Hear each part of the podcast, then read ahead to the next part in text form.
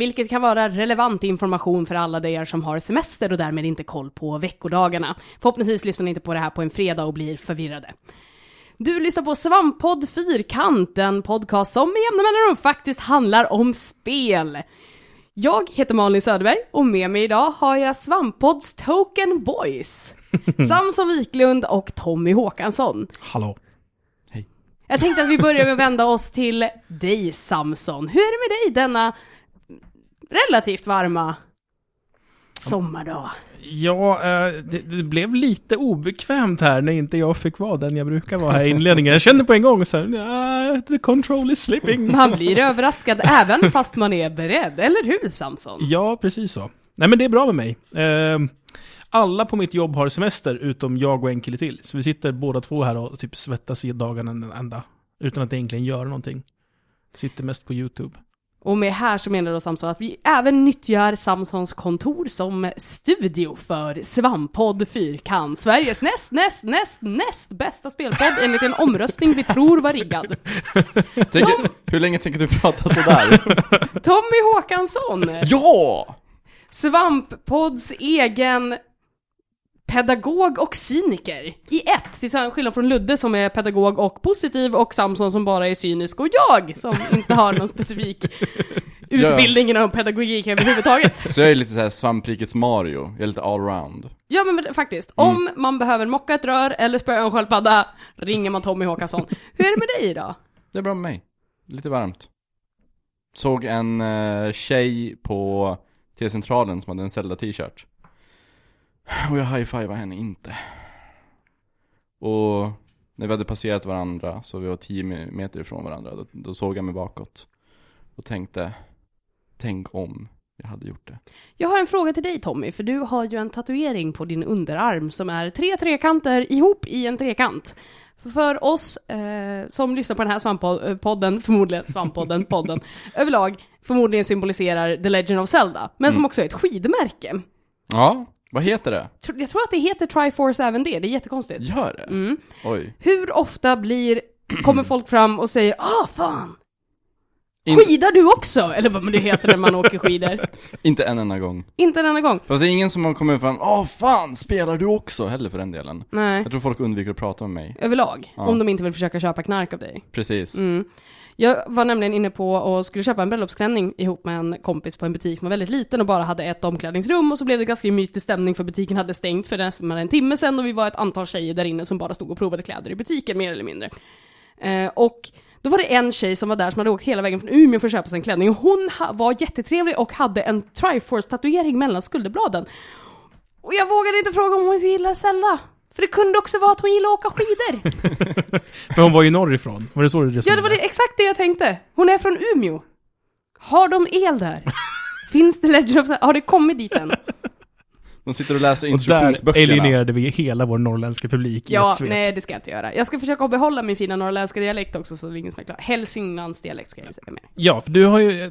Hur är det med dig? Och du har hört, du har ju varit hemma, hemma vid. Jag har ju varit hemma i Hälsingland i några dagar. Och det gör ju att jag är nästan mer eller mindre nyss avstigen av tåget. Så jag pratar så här ett tag så får vi se hur länge det håller. Det brukar hålla sig ungefär en kvart, 20 minuter inom Stockholmsområdet innan jag tappar det. Så extremt tycker jag inte det. Nej, inte än, men jag hör det ju nu. Bara för att jag tänker på det. Men i alla fall så brukar jag ju prata lite mer så här. Det här känns ju kanske lite mer bekant för de som lyssnar på den här podden. Jag, har, jag, jag måste anstränga mig för att märka skillnaden, måste jag erkänna. Alltså, ja men vad roligt. Jag får se vad Nu! säger. Nu kom det! Roligt! Ja, men det, Ja, men vad roligt. det är ju Dalmål där som ligger där och härjar. Nej, jag har haft det jättebra. Jag har bara solat och badat och legat under ett äppelträd och tänkt, är det inte jättemycket myror i det här äppelträdet? Är det inte därför jag inte brukar ligga här? Och sen var jätte, jättemycket myrbiten. Varje dag, för jag lär mig inte. Ah, du är som en... Ja, du har ingen save-funktion överhuvudtaget. Var, varje dag är en ny respawn för dig. Indeed, indeed. Aldrig att jag lär mig.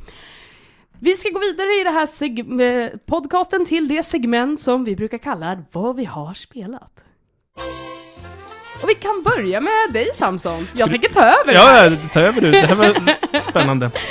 Jag har spelat ett 3DS-spel som heter Project X-Zone, eller Project Cross-Zone. Jag tror att det är Cross man ska säga. Eh, en samarbetstitel mellan Capcom, Namco och Sega. Just Mm. den titeln. Eh, det är en... Kan man kalla det för typ SRPG? Strategirollspel? Ja, det kan man säkert göra. Ja, Okej, det är ett SRPG. Mm. Eh, man styr eh, olika karaktärer då från olika Capcom-spel, olika Namco-spel och olika Sega-spel, ingen Sonic. Det var exakt det jag tänkte säga. Är Sonic med i det här? Nej, eh, man har fokuserat på människoliknande. Okej. Men Mega Mm. Man är med, Ah. om det liksom väger upp. Men, men eh, man är då... Det finns en story, jag vet inte hur lönt det är att ta upp den här. Men, men spelhets, spelbarhetsmässigt så är det så att man har liksom ett grid hela tiden. Precis som i Final Fantasy Tactics eller så. Och man styr en grupp som alltid är två personer. Och eh, man rör sig på det här gridet och när man då möter en fiende så slåss man och då liksom får man battle mode. Och då är det någon slags... Tänk så här JRPG-fighting fast det är mer knappkombinationer. Ganska enkla, det är typ så här håll vänster och tryck B samtidigt. Typ den nivån. Mm. Eh, men man ska göra dem i takt. Och på så sätt då eh, kombinera de två personerna man har med sig, deras attacker. Eh, så att man liksom då jugglar personer man slåss mot. Och man gör gärna så här 128 stegs kombos med det. Eh, jävligt komplicerat. Och har man en tredje person på det här gridet som är i närheten så kan den hoppa in och så blir det en trepersons fight. Och då får man upp någonting som heter cross assault. Och det är det man är ute efter hela tiden i fighterna. Eh, för då gör man jättemycket mycket skada. Så kan man då till slut, när man har använt alla attacker som finns att använda i den här fighten, då får man då um, critical attack, det heter något speciellt också. Och då gör man jättemycket skada. Och sen så är det över, och sen så kommer lite manga cutscenes, och sen så är man tillbaka på gridet, och så letar man upp nästa fiende. Vilka Typ slåss så. man mot? Eh, nya dudes, det är inte, man slåss inte mot spelfiender. Okej. Utom vissa i och för sig. Ja. bossar. Eh, jag har stött på lite, lite så här, typ, inte Bison, men lite så här eh, Seth från Street Fighter 4 till exempel har dykt upp som en boss ja som jag slåss mot. Det är ett jävligt märkligt spel det här. Ja, Jag trodde, jag, jag, jag, jag var ju stensäker på att det här var ett fightingspel. Nej, nej, nej. Eh, allting är liksom baserat på strategi. Det, det är ju timing, så det är lite mer... Eh, eh, det är lite mer fighting än vad det är om du skulle jämföra med typ Final Fantasy 6. Men även om det inte är ett fightingspel i själva spelmekaniken så tycker jag att upplägget låter ju som ett fightingspel. Att det är så här, Ja. lite cutscenes emellan som ger dig någon form av feeling och reward att du har kommit någonstans och sen är det gameplayet som står i fokus och skickligheten i gameplayet, vilket ju ändå är vad Ja, ja. egentligen fightingspel går ut på. Ja, alltså det är, det, är ju, det, är ju, det är ju fighting man får se. Det ser ju ut precis som att det är typ Capcom vs Marvel ungefär. Mm. Och det är lika extravagant i vad som händer. De allra värsta attackerna ger ju också lite cinematics. Eh, då är det liksom, det kommer in en liten animesnutt. Som när det är en tjej inblandad, eh, väldigt ofta handlar om att någonting går sönder och tuttarna poppar upp lite. Jag hatar när det händer. Det är också oftast det som händer för att liksom, man vet ju att kläder normalt håller ner boobs. Oh, Det är ja. inte som att de används för att trycka upp och fräscha till. Utan Nej, det nej. håller ner om man gör. Boobs är gjorda av helium, de vill Ja, upp och så exakt. pressar man ner dem. Nej men eh, alltså, det, det är ju en så här, du vet, klassisk japansk, lite så här. Sex är inte sex, det är bara humor. Fanservice brukar Ja. det kallas ofta. Eh, det är ju unket. Det är riktigt unket. Eh, man hamnar i en fight där en person pratar om en som man har med sig. Bara så här, ja, hon är ju snygg men hon är inte särskilt smart. Och hon svarar med, ska jag ta det där som en förolämpning eller som en komplimang? Man bara, Man bara, vännen det är en förolämpning. det är en förolämpning i dubbel bemärkning faktiskt. Men ja, eh, ja den osar ju så här gammal liksom japansk spelkultur som man inte kanske riktigt vill besöka om man ska vara helt ärlig. Men, men om man bortser från det, om man lyckas blunda för 90% av spelet så finns det ett ganska intressant fighting-spel eh, som tyvärr faller på att det är lite för upprepande. Man gör typ samma sak om och om igen. Det finns vissa sådana här grid spaces där man har typ ett uppdrag, man ska ta sig till en viss punkt eller man ska hämta ett visst item. Det gör det lite mer spännande, men de kommer alldeles för sällan och det finns alldeles för få. Så även om det är kul att göra fighterna så gör man samma sak om och om och om igen. Och man har tröttnat typ på den tredje ommet, men man gör 20 till. Typ. Det, det är ganska smidigt då för mig som typ plockar upp 3DSen, spelar två minuter och sen stänger ihop den igen. Det, det är ganska lagom, men jag, jag skulle inte sätta mig liksom ner och säga åh nu regnar det ute, nu kurar jag upp min soffa med min 3DS. Det skulle jag aldrig göra i alla fall. Men, men om man nu är en sån som gör sånt, eh, så skulle jag inte sitta där och tycka att det var särskilt roligt. Det tror jag inte. Och det här spelet heter då? Eh, Project Cross Zone, alltså Projekt X Zone. Yes, jag bara tänkte att vi skulle upp- upprepa det för att ofta så frågar folk så här, vad var det där spelet som de samt pratar om? Det lät jättebra, och så ser man tittar precis i början och så hänger man inte med. Är det vad du har spelat eller har du någonting mer på lager? Eh, vi har spelat, säger jag och tittar på Tommy. Oj, vad vi har spelat. Ja, vi var ju hemma, och nytt. vi var hemma hos Ludde i helgen. Ja, jag fick ett telefonsamtal som Ludde som sa att vi är väldigt nära varandra. För att jag var i Söderhamn och ni var i Ja, okej. det missade jag helt. Ja. Flossade han så i luren? Uh, ja, jag, jag ger ett tveksamt nja. Att det var ju Nja. inte, det var inte riktigt det. Ja, men Du, vet du? Nej. Nu, nu ska jag gå och hämta Tommy och Samson ja. Ja. Och du är i Söderhamn du? Ja. Så vi är inte så långt ifrån varandra nu, eller allihopa. Det är nästan lite GameX-fil. Ja men precis, det är nästan nästan som GameX. Men ni har alltså lirat hos Ludde, vad har ni spelat där? Nu Mest tappar jag Stockholm, men nu, äh, vad har ni lirat där då? Game Wario har vi lirat. Mm. Ehm, vi kan börja med vad du tyckte om det. En pann på Game Watch. Vilket Exakt. ju absolut inte känns outdated på något sätt. och det här är ett spel till Eh, till, till, till, till Wii U. Wii U. Wii U. Det är en, en minispelssamling med, är det 16 spel? Värt att nämna att det här inte är WarioWare, som jag och många efter mig verkar ha kopplat i huvudet att det är. Det är inte sånt gameplay. Det finns några sådana små minispel, men för det mesta är det inte det hektiska tempot och inte samma kvantitet. Så det är Men- alltså inte peta, peta en person i näsan så fort som möjligt Det på är li- 15 sekunder? Det är lite näspet. Okej. Men, Det, det eh, finns väl ett av de här 16 spelen? Precis, som- och det är det Ludde berättade om förr, förr eller förra. Ja, det är när man inte skulle, Helgen. man skulle, inte skulle somna. Precis, man, Man, man, man spelar en tjej som heter 9 volt, som i sin tur spelar de här spelen. Mm. Men man gör det inne på sitt rum. Och mamma man måste gå och lägga sig. Och så gäller det liksom att hinna spela, men samtidigt i rummet så kommer mamma ibland in och så här, du ska sova! Och då gäller det typ att så här, när mamma är på väg, då ska man hålla in R och L. Och att mamma är på väg signaleras av eh, skräckstråkar Och det är läskigt. som bygger upp hela tiden tills! Då tittar hon antingen in genom fönstret, Wii, nej bara Wii, en enda Wii. lång Aha, som okej. blir starkare och starkare. Och så tittar hon antingen in genom fönstret, eller genom dörren, eller hoppar ut genom tvn. The- Oj, det låter jätteläskigt. Och hennes ögon lyser i mörkret när hon är en svart silhuett med eh, vassa tänder och horn. Man kan väl säga att de drar sig inte det minsta för att göra det här skitläskigt. Det var faktiskt jävligt Jag läskigt. tycker när Ludde beskrev det, visst det fanns en viss rädsla, så här, shit vad obehagligt hon Det kom lät ut ur tvn. stressigt när han beskrev det. Jo, men när vi satt och spelade, så man var ju uppriktigt rädd. Alltså Ja. hon ser jävligt läskig ut. Och sen så fejkar de ju också ibland. Ja. Eh, det, det kommer ibland, för det, när, när hon kommer utanför fönstret, det finns tre platser då. Eh, när hon kommer utanför fönstret, då går hon från antingen höger till vänster eller vice versa. Så kommer hon gående, och det andra fönstret hon passerar, det är där hon stannar upp och öppnar fönstret. Men typ, en gång var det inte hon, utan det var en snubbe i peruk. Och de var så här, haha. Men vad fan? Hur obehagligt är det inte med någon som klär ut sig till ens mamma som går och öppnar ens fönster och tittar in och så Ja, tappar en, peruken? en, en gammal skallig gubbe som står och tittar in i fönster och småflickor. Du har etablerat att det är inte WarioWare, och det är läskigt. Eh, uppenbarligen medvetet. Årets Vad- hittills läskigaste skräckspel. Vad är själva spelet då? Om det inte är WarioWare? En samling minispel. Ja, kort förklarat. Ja. Med, med blandad kvalitet och blandad produktionsvärde. Alltså många av dem känns som så här, lata flashspel som du kan hitta på Newgrounds och ibland sämre ändå. Vi spelade ett så här, vad heter det, disco. Där man, man har, man har liksom kontrollen mellan varandra och så jag, Jaha, har, det, höger, ja. jag har högersidan, han har vänstersidan. Mm. Hette det Ja. inte disco? Jag tänkte på den där discosnubben som åkte skidor och plockade upp brudar. Nej, det var inte den. Nej, Nej. det, det, du tänker på den där Guitar Hero och liknande. Ja, men då, då går det en musik i bakgrunden så är det Tommys tur att attackera. Då ska han i takt med musiken trumma på så här, det finns olika lanes liksom. Då ska han trumma på dem i takt med musiken. Och allting som han träffar i takt kommer sen till mig och så ska jag träffa det Guitar Hero style. Och sen är det min tur att attackera tillbaka. Det var skittråkigt. Du vann ju i alla fall. Så ja, men jag, ingen av oss vet varför. det var jättetråkigt för mig som inte ens fick vinna. så nej, det var ingen höjdare. Men sen fanns det ju några höjdare också. Ja, framförallt det som vi spelade mest. Eh, jag antar att du syftar på Fronks. Ja, det heter ju Island. Ja. Spelet heter Island, men vi kallar det för Fronks.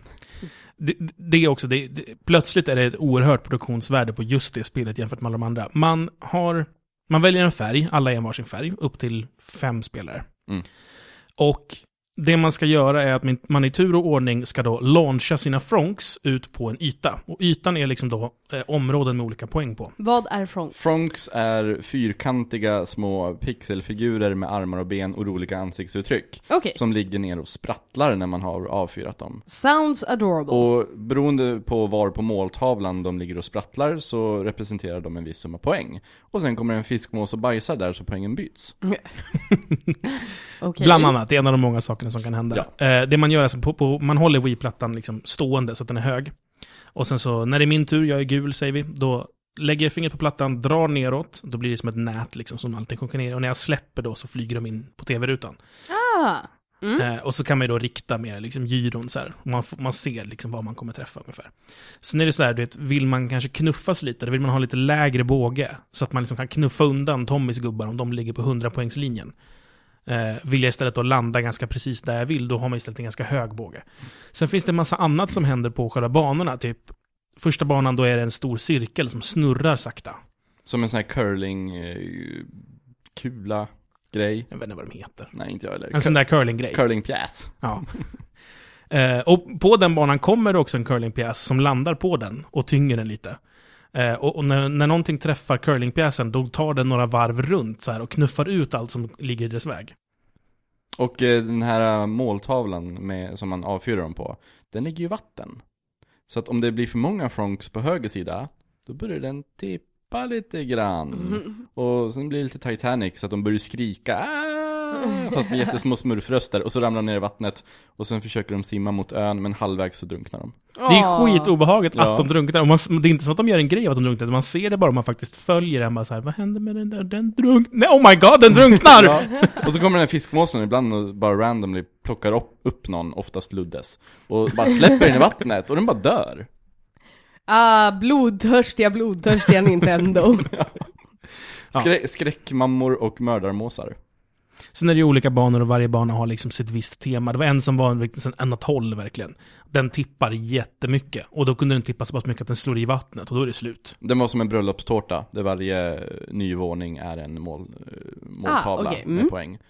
Eh, konstigt nog var det när man hamnade högst upp som de verkade påverka allra mest. Och fysiken var lite Ja, det var inte... funky.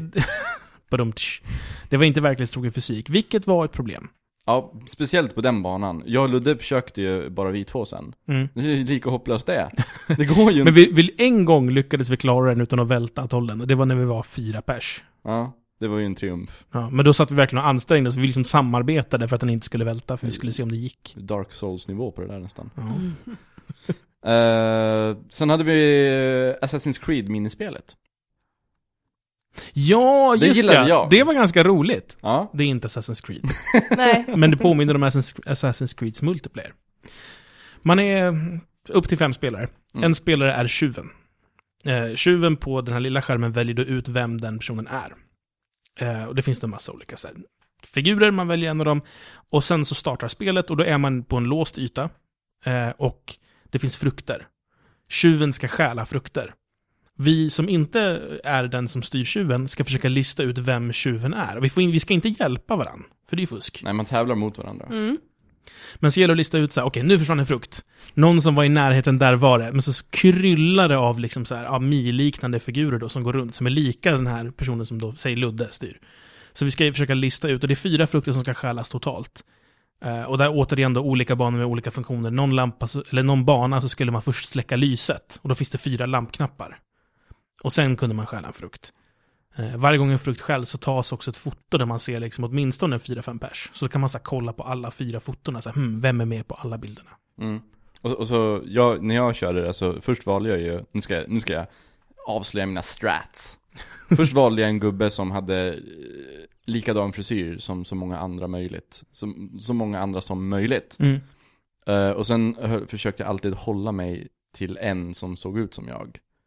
För jag, jag hade ju, du och Ludda är redan spelare där. Mm. Så jag hade liksom lite mer hum om hur, hur det funkade. Eh, och sen måste man ju imitera eh, hur AI rör sig också. Så ibland kanske man imi- imiterar dålig AI Ja, man, man kan ju inte Mm. bara gå runt i en cirkel sådär eller? Eh, Nej. Samson, du tittar på fel gubbe först. Nej, inte först, men nå- någonstans i mitten av spelet så, så tappade jag bort mig själv i folkvimlet. Och visste inte om jag styrde, så bara, men det är nog den där. Så någon, någon, under kanske 30-40 sekunder så stod min gubbe och bara gick in i en vägg. Vilket såg ju rätt bra ut, för Ja, jag- det gör ju de andra gubbarna till och från. Det övertygade ju mig om att, ja men det där kan ju inte vara Samson. Det kan ju inte vara, han går ju in i en vägg hela tiden. Det måste vara något fel på den där AIn. Så jag, omedvetet var jag sjukt bra på det här.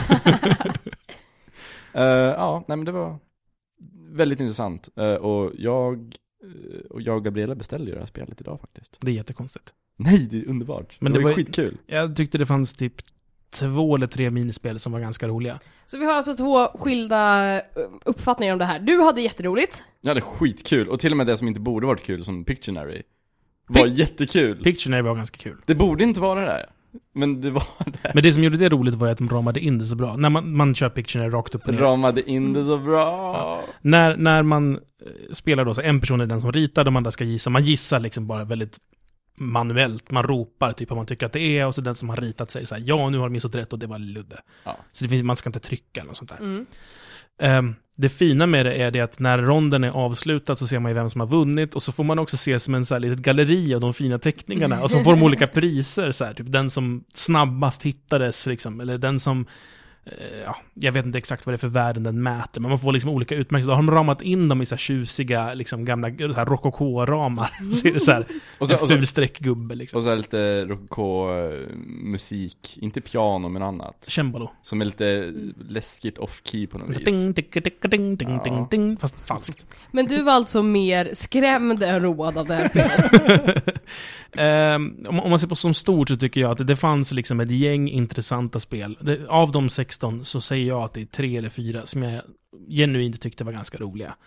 Men det är så himla, alltså de är ju roliga för att man gör dem roliga för att man sitter i grupp. Man har ju kul med poker, tycker jag är skittråkigt. Men jag har kul med poker när det sitter några stycken som är med på det liksom. Ja, man ska absolut inte sitta ensam med det här. Nej. Man ska definitivt inte sitta ensam och spela poker, det är skittråkigt. Man kommer ingen vart. Eh, eh, Om man, är- om man är färre än tre så är nog det här inte så kul. Nej, jag, jag, jag tror att det är tråkigt på två.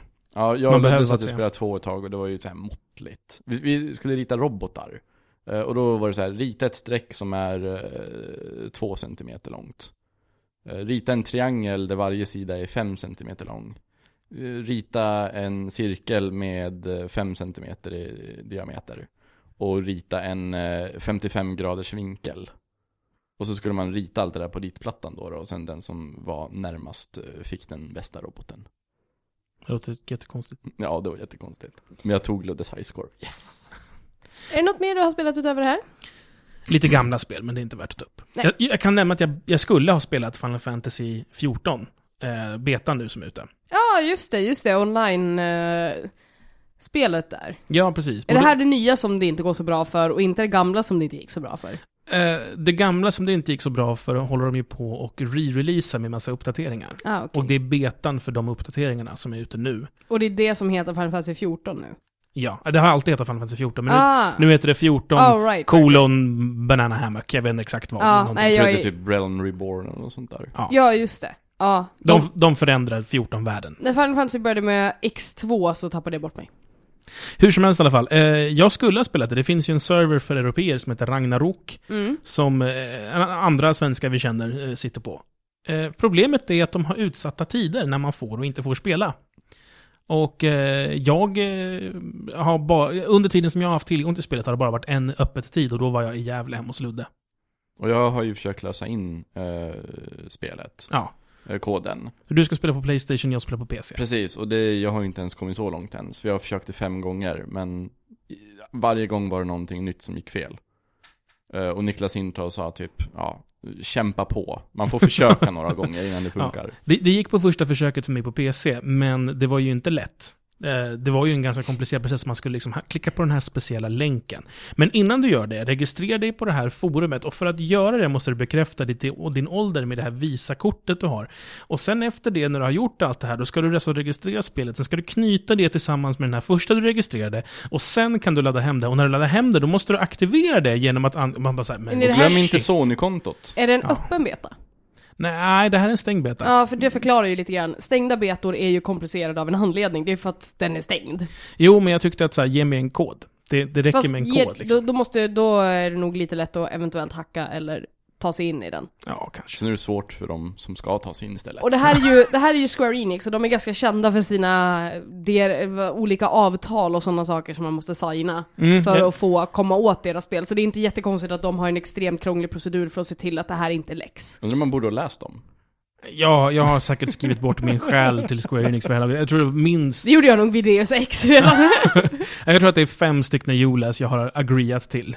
Som jag inte har läst. Ju- Just bara för det här. Var vet man tiderna när det går att spela?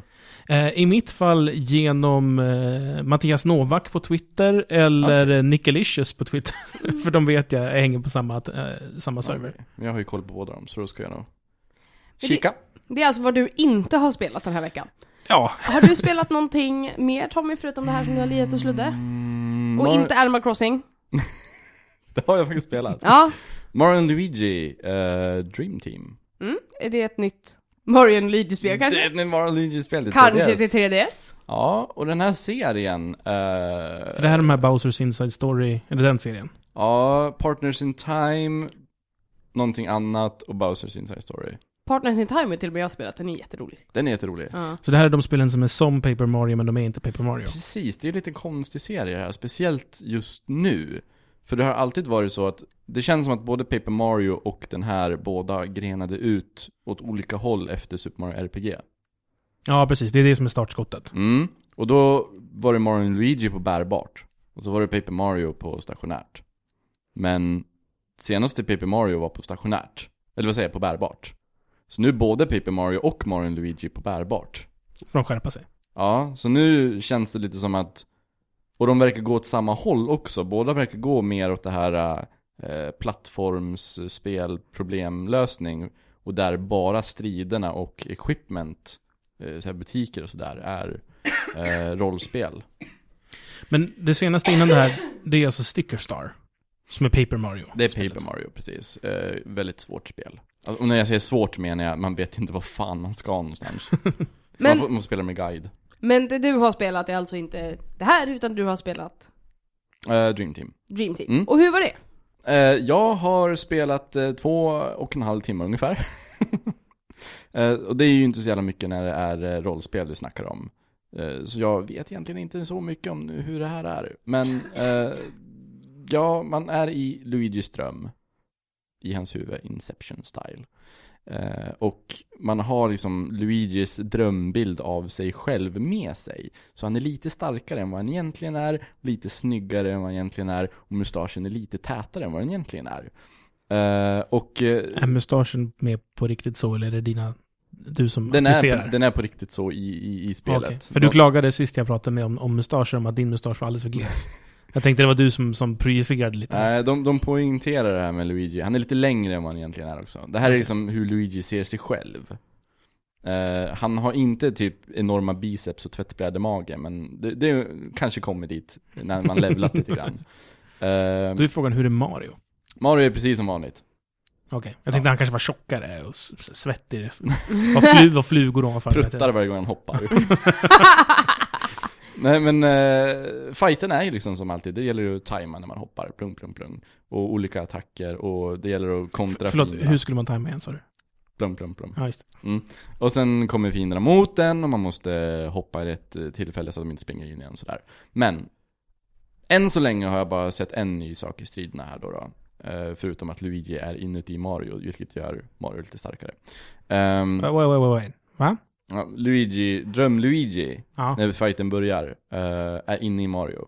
Så när Mario hoppar på ett helt gäng med fiender, så efter han är klar med eh, sin attack, så regnar massa Luigi ner på honom. Och det här med att det är massa Luigi, det verkar vara ett eh, genomgående tema i det här spelet. För att det kommer vara mycket pro- problemlösning som går ut på det. Till exempel, de kan bygga broar. Eh, De kan bli en stor boll som Mario står på och åker fram och mosar allt motstånd. Åh, men så, så till och med i sin egen drömvärld så är Luigi bikaraktären. Ja, det är... Han är bara ett redskap för Mario. Trots att det är hans spel i The Year of Luigi. Ja, Ja. nej stackars. Men eftersom det här är 3DS så måste man ju ha lite 3D-gimmicks också. Mm. Och det har man, eh, nu när man ska kontra fiendernas attacker, Så om det är massa fiender så linar de upp som en pil mot Mario. Och då får man lina upp Mario eh, uppåt eller neråt då, då, för man kan gå in i bilden så att säga i striden. För det här är liksom en 3D-värld där det annars har varit bara 2D. Eh, karaktärerna är fortfarande 2D men världen är 3D. Så det är lite mer Paper Mario. Ja, de kommer flytta ihop de här. eh, och då ska man ju såklart placera Mario där pilens eh, rumpa är. För när Mario kontrar och hoppar över dem så hoppar den på alla dem efter också. Så då kontrar man på så många som möjligt. Eh, och då är det ju bra om man har 3D-effekten på. Och har man inte 3D-effekten på, eller om man inte kan se 3D, då får man vara duktig ändå. Mm. Mm, Härligt. mm. Jag kom på ett spel som jag spelade för flera veckor sedan, men som jag har glömt att prata om och nu har lovat att jag måste göra det. Ja, jag kommer ihåg när du glömde det. Eh, Rush Brothers, ett PC-spel. Eh, jag vet inte hur jag ska beskriva det här. Man, man- är i någon slags, det är ett plattformsspel. Man är i någon slags DJ-värld. Där man har haft en dynamisk duo av DJs. Det är typ två bröder, antar jag, med tanke på titeln. Eh, som likt Daft Punk har liksom jobbat ihop och förändrat musikvärlden. Men sen så nu har det blivit stridigheter inom gruppen, de har separerat. Och så nu är det då ett plattformsspel där du spelar eh, plattformsbanor på tid. Eh, det, Usch. går, det går inte egentligen på tid, men den, den mäter tiden och du måste klara en viss tid för att du liksom ska avancera ordentligt. Eh, det finns en massa power-ups förstås. Eh, det finns dubbelhopps power-ups, det finns springa snabbt power-ups, det finns odödlighets power-ups. Eh, det finns inga direkta fiender, utan det är mer miljön som skadar dig. Lite så här Super Meat Boy-style. Såg klingor på väggarna. Ja, lite åt det hållet. Eh, El som går av och på som du ska ta dig igenom. Och så är det mycket så att du ska typ, du kommer någonstans och bara, ja, här är det en röd dörr. Så måste man backtracka och hitta en röd nyckel, då öppnas den och så springer man vidare. Så gäller det liksom att ta sig till slutet. Allting går på tid, det finns online leaderboards och så vidare. Eh, grejen med det här spelet, allting är ju fokuserat kring musik. Det är liksom det eh, stora högtalare i liksom all grafik. Det är så här, bakgrunden ser lite ut som en så här, tänk dig en blandning av en affisch för en eh, spelning av Avicii blandat med Microsoft Clipart-estetik. jag, får, jag får nog smälta den ett tag. Ja, Men lite så här jazzy, jazzy town fanns det en gammal Clipart som hette. Det var så här byggnader som var lite så här spretiga, som var lite så här, ho, ho, här är den jazziga staden där allting gungar. Det är lite den vibben du får här. Det är så här högtalare som är bredare upp till än vad de är ner till, för det är en så här spännande perspektiv, Cartoon Network-style. mm. Ehm, jag vet ärligt talat inte vad jag ska säga. Spelet är skitfult okej. Ja men det, det tror jag var underförstått. Ja, eh, allting är väldigt, väldigt platt. Eh, förgrunden när man då spelar är mestadels svart med några neonfärgade liksom, detaljer. Eh, det ser ut som min mardröm av en så här riktig DreamHack-PC fullt med massa extra lampor på. Eh, musiken är avskyvärd. Eh, det är någon slags hemmabyggetechno som låter eh, botten Anna möter skoter, ungefär. Och det är det som är the selling point för hela spelet. Jag vet inte vilken publik, men det, det är väl antagligen kanske en sån publik som har just den där DreamHack-datorn jag beskrev, som kommer tycka det är skithäftigt. Och gillar house då antar jag. Det måste väl vara någon form av house om det är de Ja, två musikgenrerna. Det är lite gladare än så. Det är mer eurodisco slash techno-trance. Ah, technotrance kan vi nog säga att det är. Det är ganska så här. man har inte hört det på länge, så nu kan man lite tillskriva det lite vad som helst. Ja, genren som är död för alla utom Polen. Typ. Ja men typ. Och de där tre snubbarna på stan med gula remsor i byxorna. Ja, de som man ser på pendeln ibland. Som alltid är lite besviket försöker gå till Kolingsborg och sen kommer det, ah just det, det är bögklubb här nu, det är inte... Det är inte syntklubb längre. Ja, nej men är, är man en sån som vi beskriver, även om vi kanske gör lite nidbildsaktigt, så tror jag att man säkert kan hitta mycket roligt i det här och säkert kan uppskatta musiken och estetiken. Jag tycker att den är fasansfull. Spelbarhetsmässigt så är det helt okej. Det blir aldrig riktigt jättedåligt. Man klagar inte direkt på eh, kontrollen. Den är ganska tight. Jag tycker det känns ganska bra att hoppa runt i den här världen. Sen är ju bandesignen så här, du vet, mitt första Flash-spel. Det är lite den nivån. Eh, det känns inte som att det är jättegenomtänkt. Man, har, man får inte riktigt upp något jättebra flow. Det kan vara jag som är dålig bara. Det, det ska vi inte liksom sticka under stol med att det kan faktiskt vara så. Men jag tycker att man har liksom inte byggt designen för att den ska framhäva eh, hur skönt flow man kan få upp. Alltså Super Meat Boy är ju assvårt. Men jag tycker att även de, de flesta som är vana och hyfsat med en plattformare kan liksom hitta så här, åh shit vilket jävla flow jag fick. Och jag tog mig liksom förbi det här hindret ganska snyggt. Det får inte jag alls här. Trots att jag liksom nöter en bana bara för att verkligen slipa ner min tid. Eh, det är väldigt multiplayer-fokuserat också. Man får hela tiden inbjudningar från folk bara så här, Åh, vill du köra en multiplayer-match? Jag misstänker att det kanske är utvecklingsteamet som bjuder in mig. Eh, Med tanke på att det inte är så jättemånga som har köpt spelet och jag fick vara väldigt tydligt, så här får du en häftig kod, det är vårt häftiga spel. Ehm, det är halvkul att battla, då gör man det lite så Ghost-style. Båda två existerar i samma värld, men vi påverkar inte varandra. Liksom. Det finns inte så mycket att säga om det. Det, det, det är typiskt... Eh, jag pluggar fortfarande speldesign och har gjort ett helt spel, så nu vill jag visa upp det. Det är så det känns. Det kanske är superproffsigt och det är världens legender som ligger bakom. Men min upplevelse av det är att det är liksom förstaårseleverna på Gotland Game som eh, får liksom chansen att få göra färdigt ett spel. Och det är ju kul att man liksom kan göra det, men jag är inte jätteimponerad om jag ska bedöma det liksom som spel bara och inte alls försöka ta med kontexten av att det är något studentprojekt. Tyvärr. Tyvärr. Tyvärr. Indeed. Personligen har jag försökt utforska varför folk tycker att Red Dead Redemption är så himla bra. Det har varit lite... Har du kommit fram till något? För jag är också nyfiken. Ehm, jag antar att de gillar hästar. Jätte, jättemycket. Än så länge passar vi in på Brunlöv. Han Ja. är ju hästpojke. Absolut.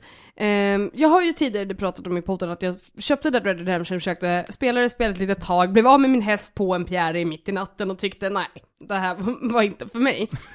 Ehm, men sen så fick jag reda på via lite snokan att man kan vissla på en ny häst, så man behöver inte gå hela vägen tillbaka till Armadillo som jag gjorde. och då tyckte jag att, ja men okej, eh, fine. Eh, jag har ju inte någonsin tyckt om GTA-spelen. Eh, det är inte min typ av spel. Mycket för att mycket uppdrag går på tid. Och det finns ingenting värre än när saker och ting går på tid i min värld. Eh, och det är också liksom en setting som inte tilltalar mig i marknadsföring, som inte riktigt funkar för min del. Och det enda gången jag har spelat det har varit när jag lånar någon annans save, snor en brandbil och kör över så mycket folk jag kan. Och det är bara roligt ett visst tag. Ja, Jag skulle nog ha roligare med Saints Row. Det skulle du. Det känns som den bra, den bra delen av GTA. Det, här, Men det är inte sagt att GTA inte är bra spel och inte har bra story och karaktärsutveckling och allt det där. Det har bara liksom inte varit någonting som gameplaymässigt passade inte mig. Jag tycker att det är lite synd, jag hade jättegärna lirat spelen för en... Folk snackar ju gärna om storyn.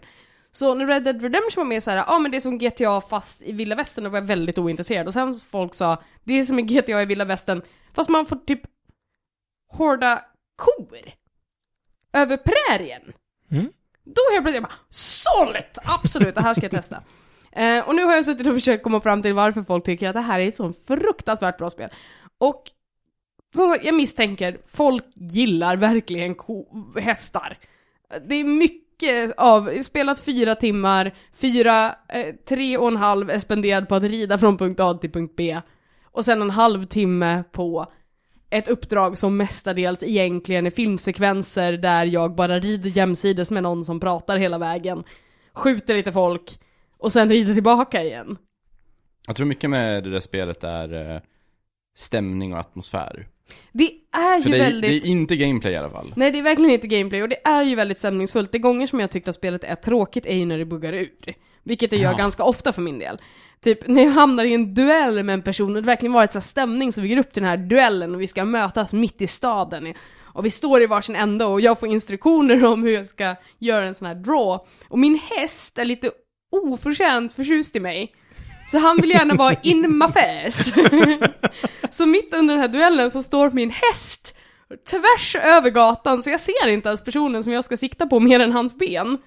Och jag kan inte skjuta honom för varje gång jag skjuter honom skjuter jag min häst. Så fortfarande inte bryr sig tillräckligt mycket för att flytta sig utan bara står och liksom stegrar sig på plats. Men han kan skjuta mig så jag dör. Och så måste jag respawna jättelångt bort, eller inte jättelångt bort för att jag var i stan, men jag måste respawna och titta på laddningstiden och ingenting har hänt. Min häst är för övrigt självmordsbenägen.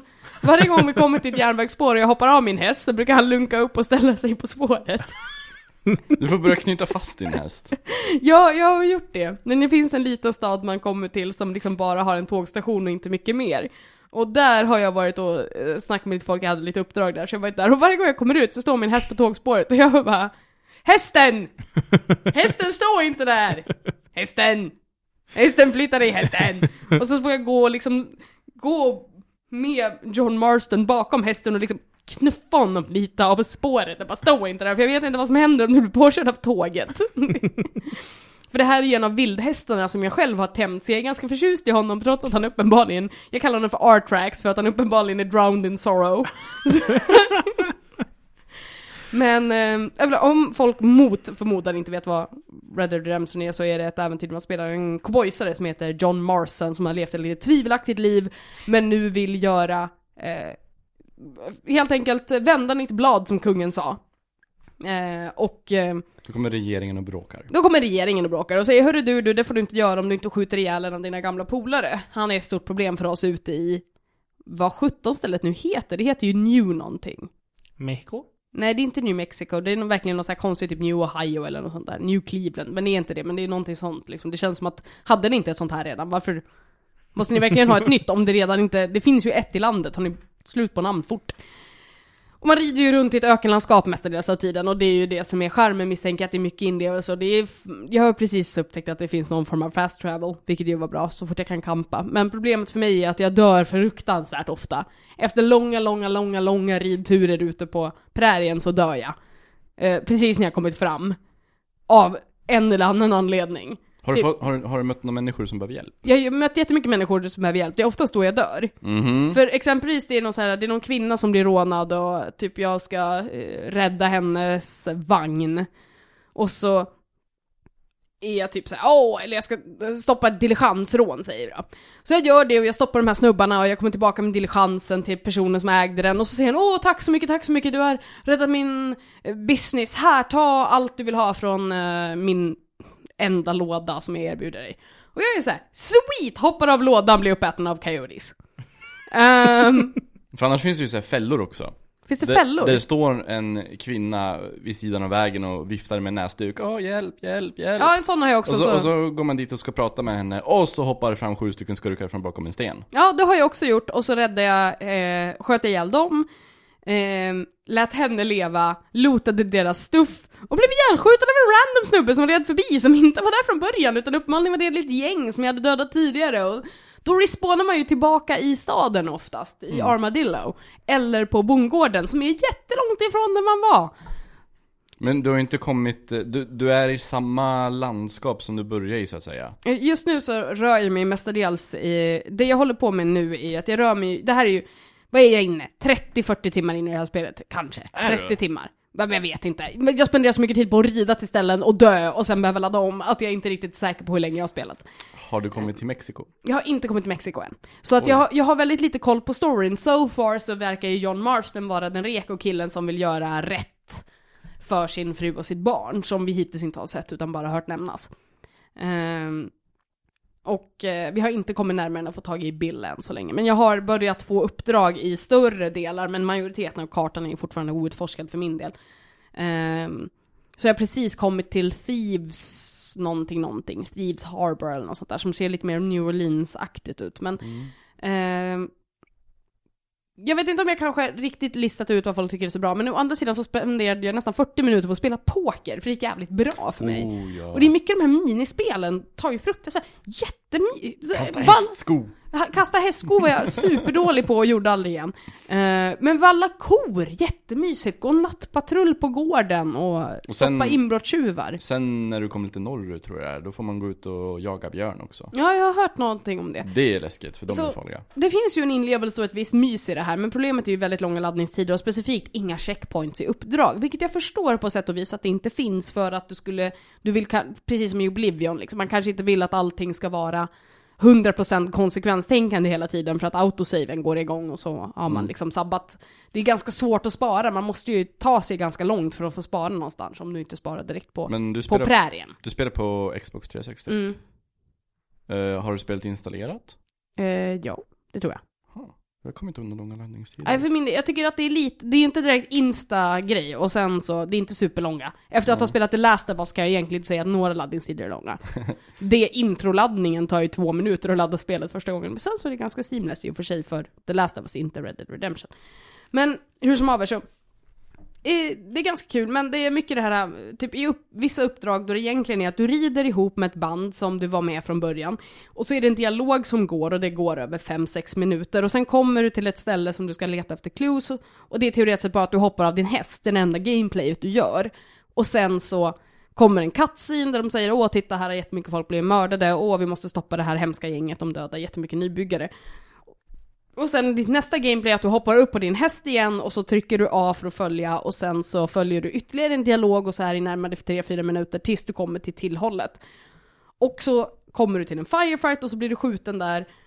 Eller klarar du den delen och sen kommer du eh, ytterligare en filmsekvens där vi rider och sen kommer vi till en ny firefight och där dör jag. Och då börjar jag om i staden. Innan jag har tagit uppdraget.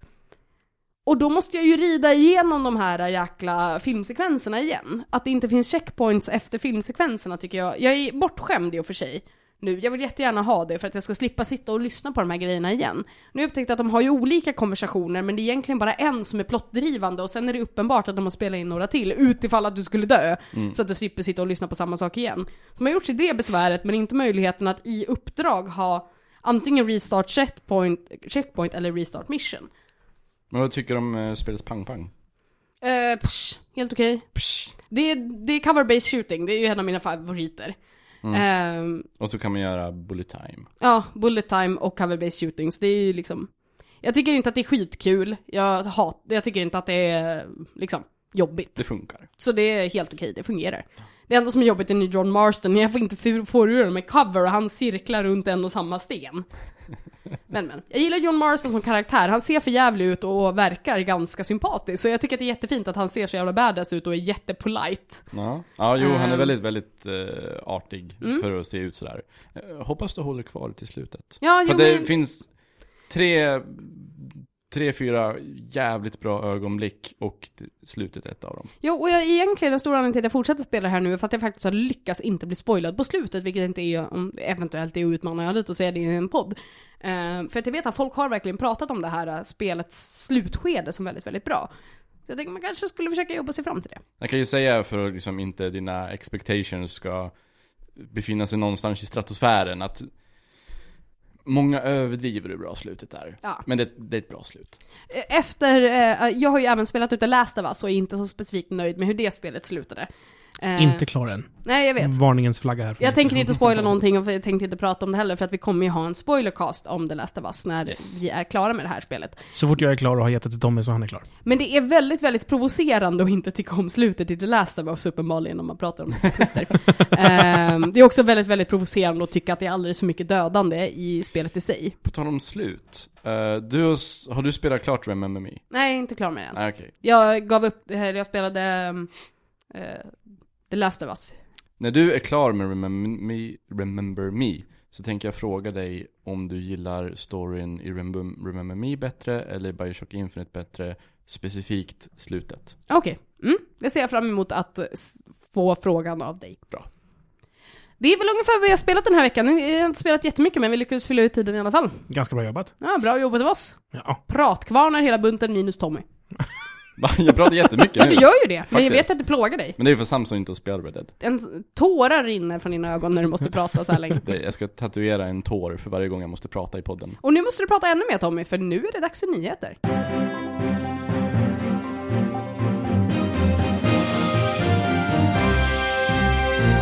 Eftersom jag, Ludde och Samson var i Gävle från fredag till söndag Mm. Så är de här nyheterna inte så jävla bra researchade i den här veckan.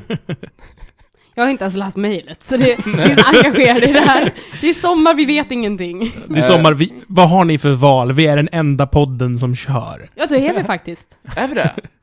Alla är på sommarlov. Varför anstränger vi oss ens med att ha programpunkter i sådana fall? Jag vet Nu, inte. kn- nu kniper vi dem allihopa. N- Nästa Oh vecka... crap, vi måste vara extra skärmiga! Fan! För nu kommer de som aldrig, aldrig lyssnar på oss eh, annars, de lyssnar ju på oss nu för det finns inget annat.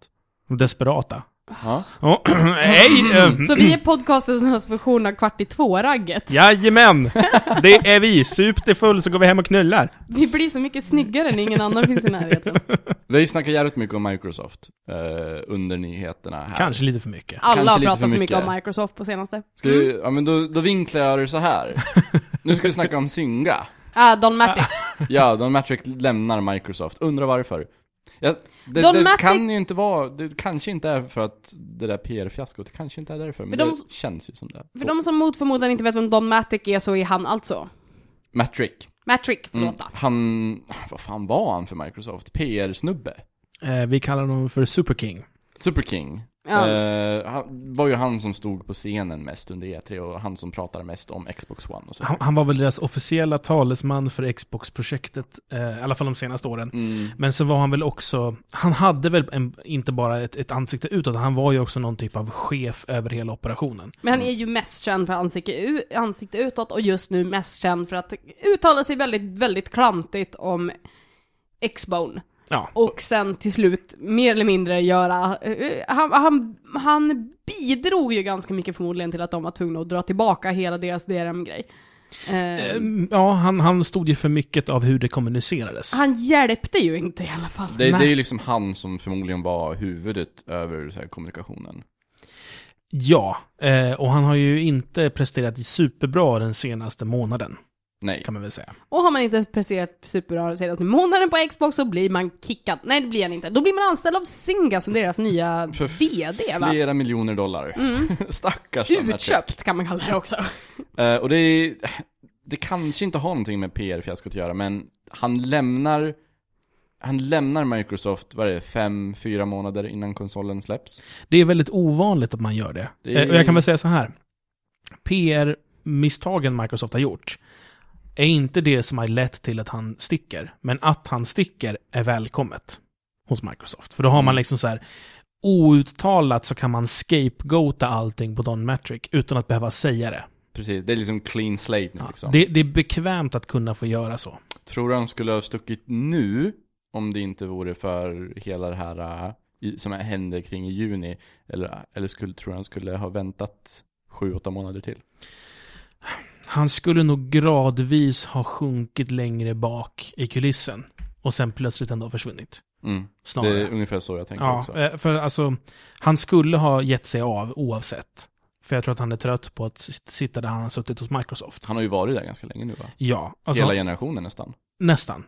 Eh, Ja, de har ju bytt chef tre, fyra gånger under den här generationen också. Det ska man ju komma ihåg. Ja. En gång i tiden var det ju Peter Moore till exempel. Ja. Det var inte så länge sedan. Nej. Eller jo, det var det. Men det känns inte som att det var så länge sedan. Men ma- han, eh, han har suttit ganska så länge. Han har ändå liksom hjälpt Xboxen framåt. Det var under hans flagg som vi fick Netflix. Och så han såg till att Netflix kom ut utanför USA. Och det, det, allt det har ju skett under hans ledning. Så att det är ju inte som att han bara gjort en grej, även om det är det vi tänker på nu. När vi, nu minns vi bara att Don Matrix sitter och är smagg i tv och säger ja, vi har en sån maskin, den kallas för Xbox 360. Eh, satt, Internet är ju snabba att glömma. Ja. Men allting utom oförrätter. satt han eh, under hela den här, när Red Ring var som, var som värst? Nej, det var för, eller han fanns ju fortfarande där, men han var inte i den positionen han är nu. Nej. Så då ska han inte ha någon cred där eller? Men, För det, det, det är någonting som jag tycker Microsoft skötte, alltså de skött, de fick det att se ut som att det, skö- det sköttes bra tycker jag. Du får inte glömma de första sex månaderna när de bara blånekade också. Va? Vadå? Nej vadå? Det, det är inte alls vanligt med Ring of Death. Men det känns som att det borde ha slagit dem hårdare än vad det egentligen gjorde. Alternativet var ju att köpa en Playstation. Och det fanns inga spel då till Playstation. och Playstation Och den var väldigt, väldigt kostade dyrt. så jävla mycket. Ja, den var 2000 spänn dyrare än en Xbox. Men de går alltså till Zynga, en, en Ett spelutvecklare skä- ett- vart alla spel måste vara uppkopplade. Och ett sjunkande skepp. Är det det? Ja, Hur går det vidare för Zynga faller och faller och faller. Man, man brukar ju säga att Activision är lite spelsatan, den som alla gillar att hata. Mm. Eh, inom casual-branschen, eller inom liksom den rörelsen som PopCap och company befinner sig, så är ju Zynga den alla hatar. Zynga är ju den som kör på Bobby Kotick-style. Och medan jag inte tycker att det finns någon direkt anledning till, eller jag tycker hatet mot Activision och Electronic Arts kan vara lite överdrivet ibland. Eh, Hat är alltid överdrivet Ja. i spelsammanhang. Men, men eh, ogillande av Ja, kan man ändå jag, acceptera. jag tycker det blir lite överdrivet. Eh, Men, när det kommer till Zynga, så de stjäl ju det rakt av. Ja. Det är mycket fult som händer. Jag, jag gillar inte det, är så här, det kommer en intressant... För de som undrar, Zynga tillverkar alltså då casual-spel och mobilspel är de mest kända för. Och deras mest kända spel är? Ja, Det är väl Oj. Farmville, Mm. tror jag. Eh, Men det, det, det Zyngas hela företags idé går, om man ska hårdra det, ut på att man hittar en intressant indie-titel. Betalar inte ett smack för det, men snor konceptet rakt upp och ner, exakt så som det är, fast med lite annorlunda grafik, lite annorlunda titel. Och sen så släpper man det som Zynga, som har en jättemarknadsföringsbackning. Och så blir det Farmville, som från början är ett annat spel, som någon annan gjorde, som nu är pank. Som säkerligen också var baserad på Harvest Moon. Ja, om man nu ska hårdra det. Li lite som eh, alla Xbox Live Indie eh, titlar som härmar Minecraft, Ja. bara det att de blir större än det de härmar. Ja, Zynga blir större, för de har mer pengar att marknadsföra Ja, sig. de, det, det, är som de har PR-maskineriet bakom sig. Ja. Så de, de kontaktar inte utvecklaren som har den här bra idén som de gillar och vill använda. Utan de kopierar den och sen eh, slänger de pengar så att deras spel syns mer för det står på en hög av pengar. Och det här senaste var väl, eh, vad heter det, phishing? Någonting? Extreme phishing. Ja, Ridiculous Fishing hette det som utvecklarna, indieutvecklarna gjorde. Zynga eh, snodde det rakt av, kallade det för Ninja Fishing tror jag. Något sånt. Så de ger mer pengar och ett lite coolare namn. Fast Ridiculous Fishing är bättre. Ja. Speciellt om man tänker på vad spelet är. Men dit har i alla fall Don Matrick nu. Ja, jag vill också bara nämna att Zynga är fortfarande kompetenta, så att de spelen de gör är ju bra spel. Det är bara att de inte har kreativiteten själva. De, de slänger, det är inte som, vad heter den mobilutvecklaren som bara gör skit? Som verkligen bara gör 100% skit. Jag vet inte. Gameloft heter de. Okej. Gameloft gör samma sak, fast de gör så jävla dåliga spel att ingen som bryr sig. Zynga gör ju ändå bra spel. De har det praktiska men inte det teoretiska. Ja.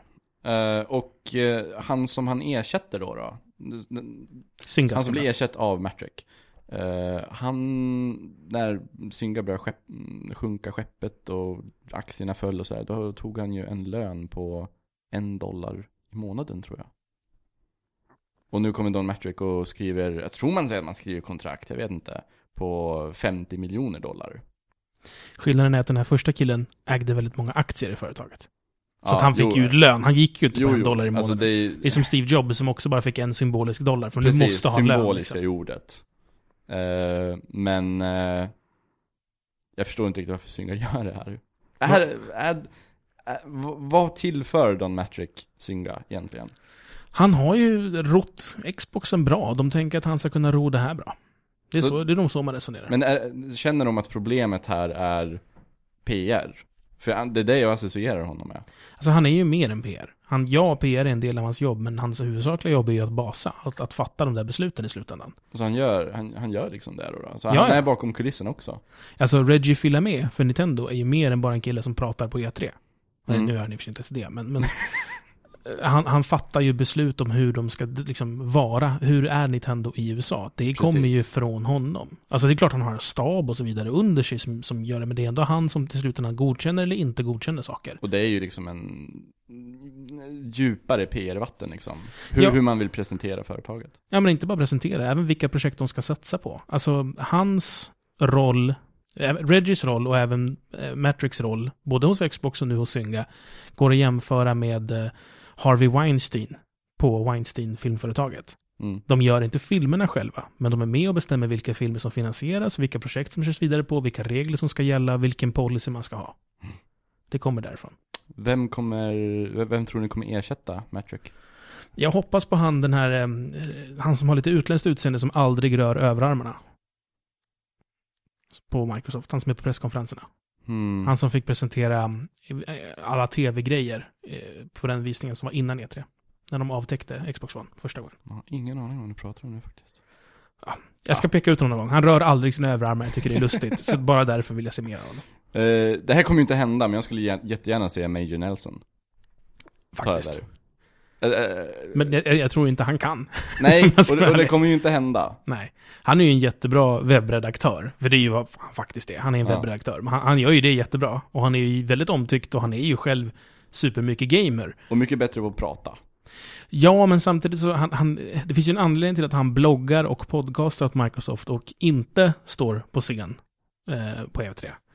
Han, eh, han är ju främst en, en, eh, alltså en webbkommunikatör som han inte ska synas, han ska inte synas direkt utan han ska vara indirekt och han är en liten mindre kanal. Mm. Eh, om du lyssnar på hans podd, alltså de drar sig inte för att klaga på Microsoft eller lyfta upp ett bra Playstation-spel. Det är liksom mycket mer communitybyggande aspekt som han har. Mm. Så jag tror att det är därför han, han är bättre på sånt än vad han är på att liksom styra hela företaget. Ja, och där kommer han nog förbli. Han kommer nog inte ta över. Ja. Synd, för han är väldigt trevlig att lyssna på. Ja, men det ska bli jävligt intressant att se vem som står på scen nästa år på E3 för Microsoft. Jag funderar på om det är I. Major, Nils, Major Nelsons radarpartner. Mhm. Han är den enda som har en enbokstavs gamertag. E, kort och gott. Ja, det är lite coolt. Han, eh, han är lite mer corporate, han skulle kunna funka. Eller så blir han den där Kuda. Mm. Med flätor. Och, fo- och fotsulor. Mycket marijuana i den mannen alltså.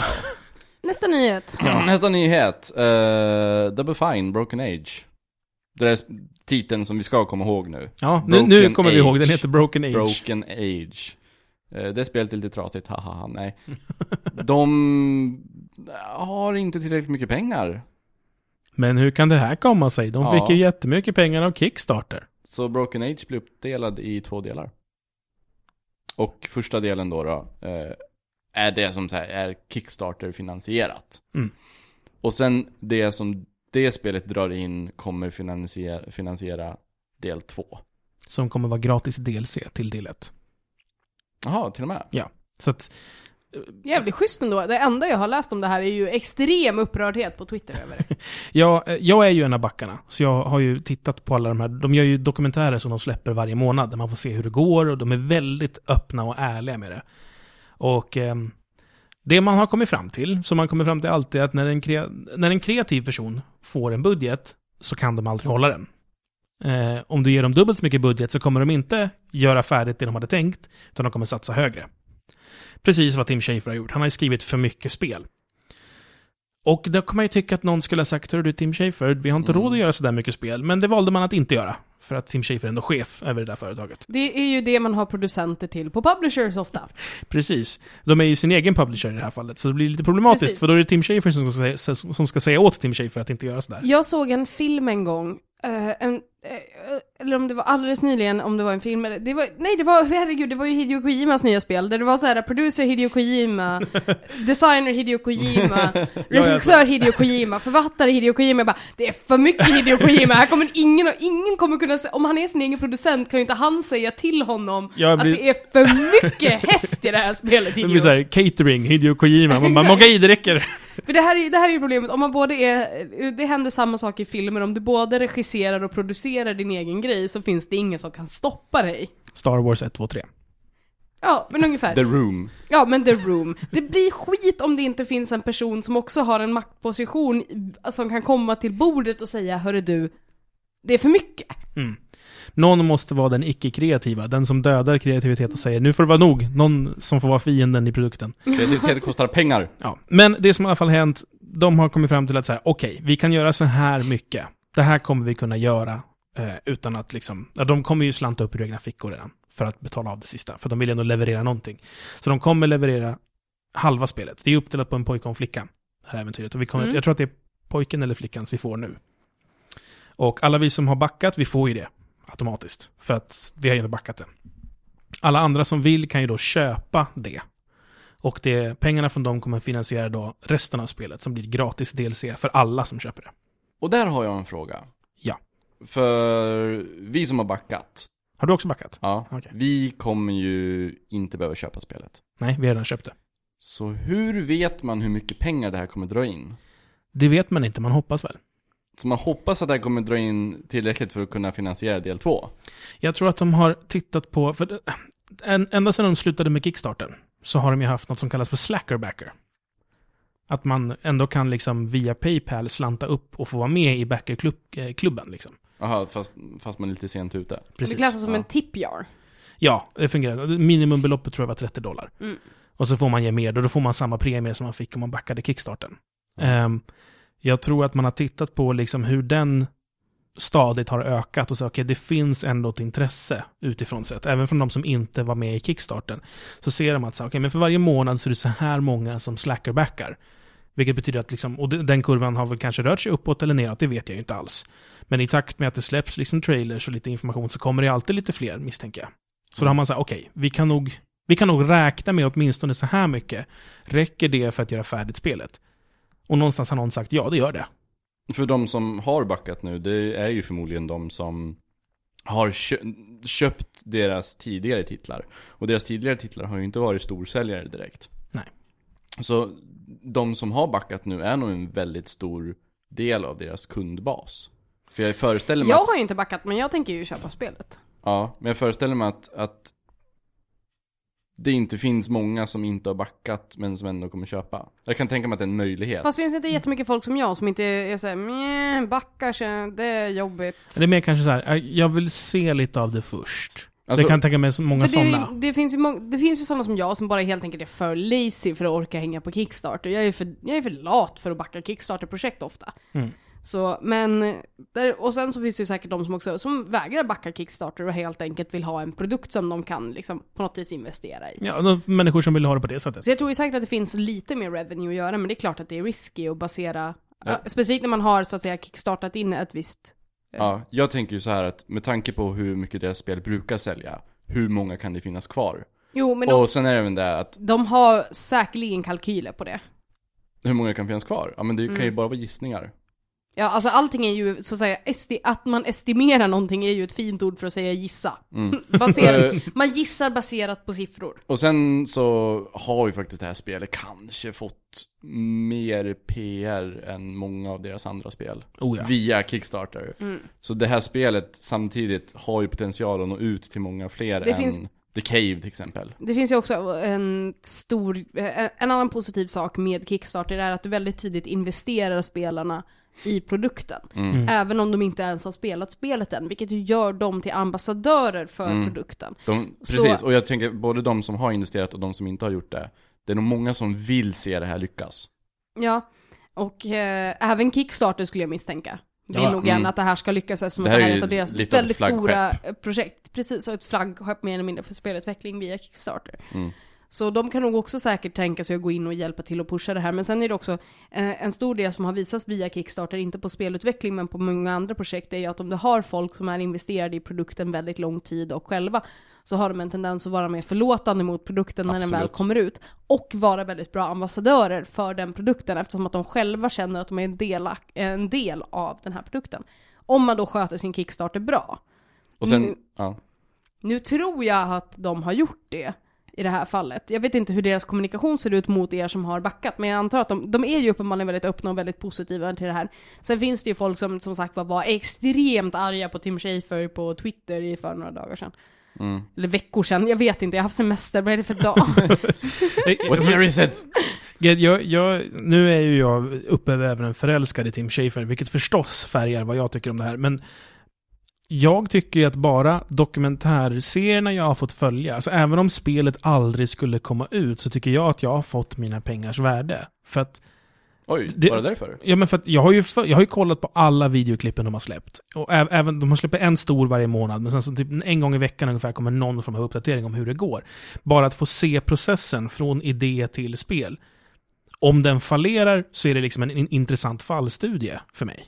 Mm. Så att även om spelet aldrig kommer så har jag fått vad jag vill ha i mina pengar. Jag, jag, jag knarkar ju Tim Schafer, så för mig är det ju jättekul bara att få liksom den här insynen i hur arbetet pågår. Ja, Ja, jag tror, jag, jag tror ju bara punga ut med typ 15 dollar eller något sånt där. jag tror jag, jag, tror jag betalade jättemycket. 30. Ja. Eh, och sen, jag tror att det här kommer vara ett kvalitativt spel. Eh, jag tror inte Double Fine brukar spotta ut dåliga spel. Utan det, det verkar vara ganska välgjorda spel, både när, när det är större och mindre produktioner. The Cave var väl något av det sämsta de har gjort so Ja, far. jag, jag tror, Och det spelet var ju inte dåligt i sig, det var bara repet- alltså meningslöst att spela om det. jag skulle, jag skulle, jag skulle personligen säga The Cave och Brutal Legend kanske är de två svagaste. Jag gillar Brutal Legend. Ja, då, då, då tycker jag Trench är svagare. Tycker du? Ja, jag gillar inte Trench. Men det, jag gillar inte genren, så det är inte så konstigt. Jag tycker om Ja. det. Nej, jag, jag, jag har ju inte spelat alla deras spel, så jag tittar ju bara på eh, kritiskt mottagande Mm. av publik och kritiker. Nu har vi då ta, pratat ganska stort om två nyheter. Har du mer någon stor nyhet eller kan vi gå igenom lite snabbt? Någon stor nyhet har jag inte. Händer inte så mycket just nu. Nej. Eh, Microsoft planerar en presskonferens på Gamescom. Ja, just det. Kan de behöva, tänkte jag. Ja, De har väldigt mycket nytt att lägga fram nu. Ja. För det här kom, de- det här med alla, nu droppar vi den här skiten, kommer ju efter E3. När ja. många s- kanske har slutat följa. Alla har redan börjat förboka PS4 och slutat lyssna på. Microsoft det, finns, för länge sedan. det finns säkert någon som fortfarande sitter och skriker om Microsoft DRM och kramar sin PS4 förhandsbokning. Ja, gud Jag, ja. jag pratade senast idag med en kille som jag jobbar med, som är gamer. ja. Som inte alls visste om det här med att de hade droppat DRM. Precis. Men det blev de ju inte alls lika stora nyheter liksom, så de behöver absolut en presskonferens på Gamescom. Så kul för dem att de kommer ha det. Och eftersom uh, Don Matrick har lämnat Microsoft nu, jag tror det var 7 juli han lämnade, så kanske vi får se någon som står på scen istället för honom. Kanske, vi hoppas. Mm. Eller det är klart att vi ser någon som inte är han. det, det säger sig självt. Vi får, vi får höra en disembodied voice från högtalarna. De klipper ihop en massa saker det är så här som Don en har sagt tidigare. Jag, jag tänker att de använder den här eh, rösten i, i, eh, i Windows. Den Ja. Hello, my name is... Den som är liksom bara... Lite Stephen Hawking över det. Ja. Mm. Eller GLaDOS. Eller GLaDOS. Ja. Nyheter på det. Uh, ja, Xbox, mer Xbox. Nej. Ännu mer Xbox. Hur, på E3, när Microsoft utannonserade att nu ska guldmedlemmar få gratis spel varje månad, precis som PSN gör. Vilka två spel fattade ni som att det skulle vara så här, premiären då? Halo och Fable, tror jag. Ja. Assassin's Creed 1 kanske. Halo 3 och Assassin's Creed 2. Så kanske det var. Ja. Alla fattade det som så. All, alla jag har snackat med och jag fattade det så. Och vi pratade om det här i podden också. Men sa de inte på presskonferensen att så här, bland annat kommer ni få Halo 3 och... Ja, Ja. Assassin- jag tror att det var 2. Precis, och då, då fattar man ju som att Okej, det är de två första spelen. Lite gamla spel, vi kanske ska få lite nyare. För att om det här är det ni börjar med, hur, hur kommer det bli sen då liksom? Ja, om man tittar på eh, Playstation Plus-spelet, eller spelen, ett av spelen den här månaden är ju Battlefield 3. Så Ja. betydligt nyare än Halo 3. Och typ fem, sex stycken till titlar. Ja, jag vet, hur många, jag vet inte hur många det är per månad i och för sig. Mm, nej, det är en hel del och de är intressanta och relativt nya allihopa. Eh, det blev inte Halo 3 och Assassin's Creed 2. Vad skönt. Vad blev det istället? Det blev istället, nu måste jag titta för jag vet inte ens vad det här är för spel. Eh, Defense Grid The Awakening. Åh, vad kul! Ett RTS, eller ett eh, strategirutspels... Ett SRPG. Som jag kallade det tidigare då. Som är jättetråkigt. Som jag aldrig har hört talas om ens. Ja, det är en XBLA-titel. Så det är här de ska konkurrera mot PSN med. Ef- efter, är- efter det här E3. Mm. Vad är Uncharted mot... Vad hände där du sa Ja. va? Nej men alltså det, det de ska göra här, det är ju plocka fram sina gamla stoltheter. Upp med Limbo och Braid och Castle Ja. Crashers. Det är de här som alla pratar om, som alla skulle vilja spela som inte har gjort det än. Och nu premiärmånaden, varför inte slänga ut Halo 4? Ja, eller ja. Halo 4 och Halo Reach, en slags dubbelpaket. Och ODST, fast då kanske de avskräcker folk. Det är det enda Halo som jag spelar från början till slut. Tror Halo Reach var det första jag spelade från början till slut. Ja. Eh, så de som har gått och väntat på det här får ju vänta lite till för det kommer, såvida man inte vill ha det här. Man kanske blir jätteglad, jag vet inte. Det här påminner lite om när, de, när Xbox Live var nere as länge en vinter. Och man så som belöning får ni Undertow, det här spelet som ingen har hört talas om. Oj, när var det? När var det nere så länge? Eh, vintern 2007-2008 tror jag det var. Ja, då var det nog 2007.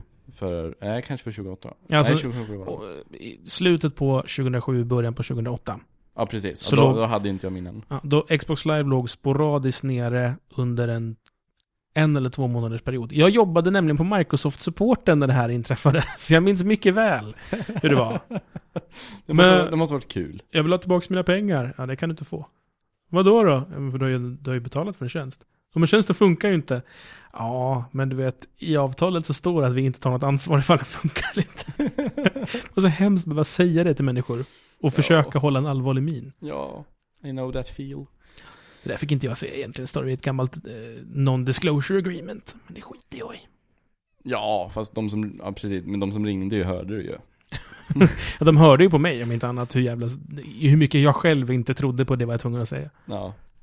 Jaha, du får inte säga att du, att du inte tyckte om att säga det eller? Det vet jag inte om jag får överhuvudtaget. Ja. Eh, lite om Nintendo. Satoru Iwata har gått ut och sagt att okej, det går skitdåligt för oss just nu. Eh. Eh, Det, var, det är svårt att göra spel i HD ska ni veta. Det här är, det här är jättejobbigt. Men eh, vi tänker inte sparka någon. Vi tänker inte göra några nedskärningar. För det är svårt att göra HD-spel, så vi behöver varenda en. är det någon där ute som läser som vet hur man gör spel? Vi behöver hjälp. Eh, Jag har googlat men jag hittar ingenting. äta, ätar Samson på Twitter. Så tror A jag. guld guld game. A edge a day. Åh, stackars söta Åru. Ja, Ber om eh, ursäkt för mitt rasistiska uttal. Mm. det är en klassiker från Retroresan det där.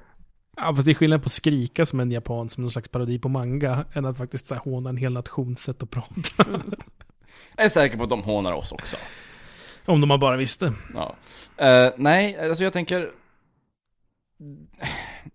Det känns ju lite så här good guy Nintendo att de inte sparkar. Men jag undrar om det skulle hjälpa. Jag tror att det är som så att de människor som skulle få sparken har redan fått sparken och de människor som är kvar är de som jobbar på 3DS-titlar. så det är ett bra sätt att kunna spinna det liksom så här. Ja. Det kan ju också vara att akt, eller aktieägarna var typ så här, Nintendo, för i helvete, vi Precis. måste ju, ni väger för mycket, nu måste ni banta av, av lite folk. Och de bara, nej, ska vi inte göra. Det var faktiskt inför ett uh, aktieägar-board member-möte. Mm. Som han eh, tog frågor. Så här, kom med frågor så svarar jag. så fick de så här sitta där och avfyra frågor mot honom. Gud, jag tänker på Malax-TV när folk ringer in nu. Jaså? Har du inte sett Malax-TV? Nej. Googla sjukt lokal lokal-TV. Sjukt lokal lokal-tv. Okej.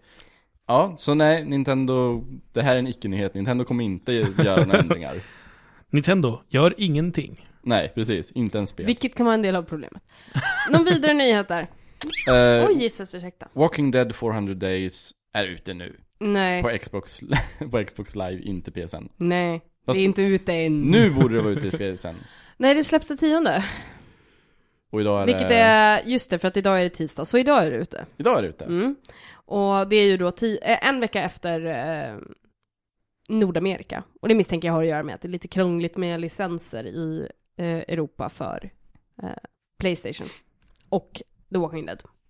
Och jag köpte det här i fredags, har inte hunnit spela, så jag har ingenting Ja att men det är ju skitbra för att då kan vi prata om det. För att jag, det är det enda som jag har planerat att göra idag är ju spela 400 days. Mm. Jag vill inte säga för mycket, men av det jag har läst, 10 av 10 och 9 av 10. Jag har inte hört, jag vet inte ens vad det handlar om. Jag, förutom att jag mm, hela tiden kallar det för 400 days. Det heter det va? Det heter det. Ja, för förut så sa jag 400 days of summer. Vilket är snarlikt en filmtitel på Ja. en medioker indiefilm. En hemsk film som enbart, enbart vägs upp av att Matthew Gay Grubler är med och har en... Sitter i motljus ett tag. Weird. Han har fint hår, det blir fint i motljus. Never mind! Ha, nu måste jag försvara den här filmen. Har ni blivit, blivit brutalt dumpade och varit olyckligt kära i ett helt år någon gång? Titta på mitt ansikte och min kropp. Ja, det är väl klart jag har blivit dumpad. Varför älskar du inte den här filmen då? Zoe de Chanel! Är, det- är det på grund av henne? Jag hatar henne. Okej. Det gör, inte, Mer- det gör inte jag. Jag avskyr henne. Men hon är ju så quirky. Åh gud, nej. Vi kan någon gång prata om hur mycket jag hatar quirky människor, men det är en helt annan sak. Uh, the randomness. Ja. Ja. Eh, Nej. och...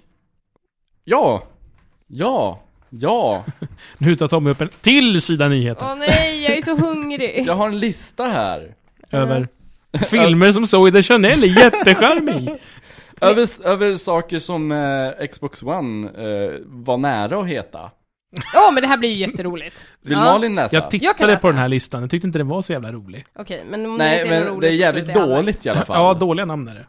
Åh herregud. Första på listan är alltså Max. Microsoft Action Experience. X- Xbox Max. Det skulle alltså, det här ska alltså vara Xbox före, alltså Xbox Max. Ja, jag, jag, jag tolkar det som Okej. Xbox, ah ja! All in one.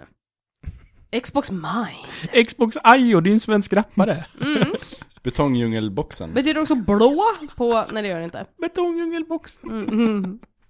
Xbox Mind, Microsoft Interactive Networking Network Device. Xbox Face! Full Action Center. Mycket action! Xbox Myth. Microsoft Interactive Theater. Åh, inte pretentiöst alls. Vadå myth? Myth. Låter som någon som stammar bara. Mm. Xbox Myth. I'm a myth lord, I tell ya. Mithril. De, de, kom inte, de kunde inte få det till Mithril. Åh, du skulle naturligtvis... Microsoft, förslag. Microsoft Interactive Theater thrilling. Mithril får ni till då. Ja. Microsoft Virtual Play Center. Ja. MVPC. Nej. Ja men det blir ju Most Valuable PC samtidigt. Xbox TAC. Total Action Center. Ja, det, det hade ju så blivit Microsoft Tacky. Mhm. Xbox Mark. Microsoft Action Reality Center. Xbox Lex. Live Entertainment Experience. Och det här är bra. Xbox mm, Pack. Microsoft Play and Action Center. Vad är action? Jag vet inte. Och det här är Xbox E2. Extreme Experience. Ja, den är ju dålig. Xbox VIP. Virtual Interactive Player. Extreme experience. Och hjälp, det här var ju också terrible. Xbox P2P or P2P. Power to play. Ja, Inte Okej. peer-to-peer. jag tycker P2P låter... kissa, kissa för kissa. Xbox Mars. Microsoft Active Reality Zone. Inget action den här gången. Nej. Reality. Active. Ska se om jag ska ta några som är lite bättre här. Eh, Xbox R&R Reality and Revolution. Det låter som någonting man säger som en elak dataröst i ett spel om ett ont konglomerat. Mega! Microsoft, Mega. Microsoft Entertainment and Gaming Attendant or Microsoft Entertainment and Gaming Assembly. Det namnen tog de ju från 90-talet tycker jag. Jaha, Kan du slänga på lite turbo också? Ja. indeed. Alfa. Microsoft, Microsoft Xbox Verve, Virtual Entertainment and Reality Venture. P2 Powerplay? Nå. Ease Interactive System in One. Ja men det var bra. Bra namn. Bra namn. Det är kul att på en lista så är Xbox One det bästa. Precis. Det är ganska Mestadels för att det inte står för någonting. Det tycker jag var ett bra grej. de, de gillar ju att förkorta saker även om det inte behövs. Ja. Du, deras utvecklingsmiljö heter ju XNA. Mm. Vet du vad det står för? Nej. X is not abbreviated. Ja, fint. Men gud. Eh, intressant att på den här listan är Xbox 720 inte ens med. Nej. Nej, de ville väl inte använda det, men jag misstänker att de vill branda om sig från att vara en, bara den, bara konsolen liksom. De vill ju bli ett större brand. Och i så fall så kanske de skulle heta 1080 istället, för man vill ju inte att det ska vara typ 720p. De vill ju teoretiskt sett ha i.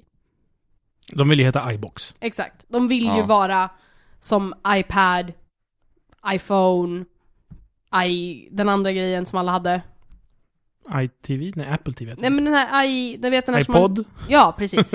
den, den, den ursprungliga i:en. Ja, precis. Det Eller första det fanns en iMac Ja också. men det, exakt, men det är väldigt, väldigt lätt att identifiera direkt vad det är för typ av märke. För att alltihopa, för, även om det är en dator eller en poddgrej så är det samma. Ja, ja, det finns ju iRiver. Mm. Hur många högtalare heter inte iAir? Ja, exakt. Ja, allt möjligt. Så. Bra grej. Men det var veckans nyheter. Veckans nyheter. Tack för det Tommy Håkansson och då Varsågod. vänder vi oss till er lyssnare. Vad har ni haft för er att mejla in? Jag orkar inte vara så här hurtig, det- jag är Fortfarande hungrig. Malin som bossar. Eh, vi har ju utlovat att de ska få böcker. De som mejlar in till oss och Jaha. hör av sig. Har vi sagt det? Ja, Thomas Arnroth har eh, förbarmat sig och gett oss fem stycken koder för en digital version av hans bok Ett år med Mojang. Nej men vad bra, jag kanske borde lyssna på den här podden ibland. Ska ni få bokar. Ja, nu är det så här att vi har en, två, tre, fyra, fem, sex, sju brev som jag tänker ta upp idag. Så det är två av de här som går lottlösa. Vi ska också tillägga det att ni som faktiskt får den här, jag kommer mejla er. Eh, ni som får den här, ni har till den 12 på er att lösa in koden. Så att snabba ryck är det som gäller. Uh, juli? Ja, Oj, så oj, det är oj. snabba ryck som gäller. Mm. Eh, först ut idag är Mikael. Mikael skriver som så. Jag läser om Animal Crossing New Leaf nästan överallt. Det hyllas och får toppbetyg. Jag har dock inga vänner. Låter det sjunka in. Mm. Låter mer tragiskt än det är, men när det gäller spel så är det så. Kan man fortfarande uppskatta Animal Crossing eller försvinner mycket av värdet i spelet? Tommy, du är ju en asocial liten pojke. Mm. Du, hur, hur mycket får du ut extra av att du kan glida över till Gab? Jag glider ju över till Gab, men sen finns det ju en tråd på loading också. Där det är en varm gemenskap. Det finns jättemycket communityforum, Mm. om man nu faktiskt vill. Så om man inga, inte har några riktiga vänner så finns det ändå gott om folk som gärna besöker dig och som gärna får besök av dig. Ska vi också tillägga att det finns ju en online-ö man kan besöka i spelet. Där man kan göra nya bekantskaper också. Mm. Ja, min sambo spelade till exempel med en 15-årig liten japan. Som var helt chockad över att en 31-årig kvinna satt och spelade Animal Crossing med honom. Stötte han på henne? Nej. Nog för att hon var dubbelt så gammal som han. Japaner. Ja, det hade inte hindrat mig om jag var 15. Kanske inte. Jag Eh. hade snarare uppmuntrat mig mer.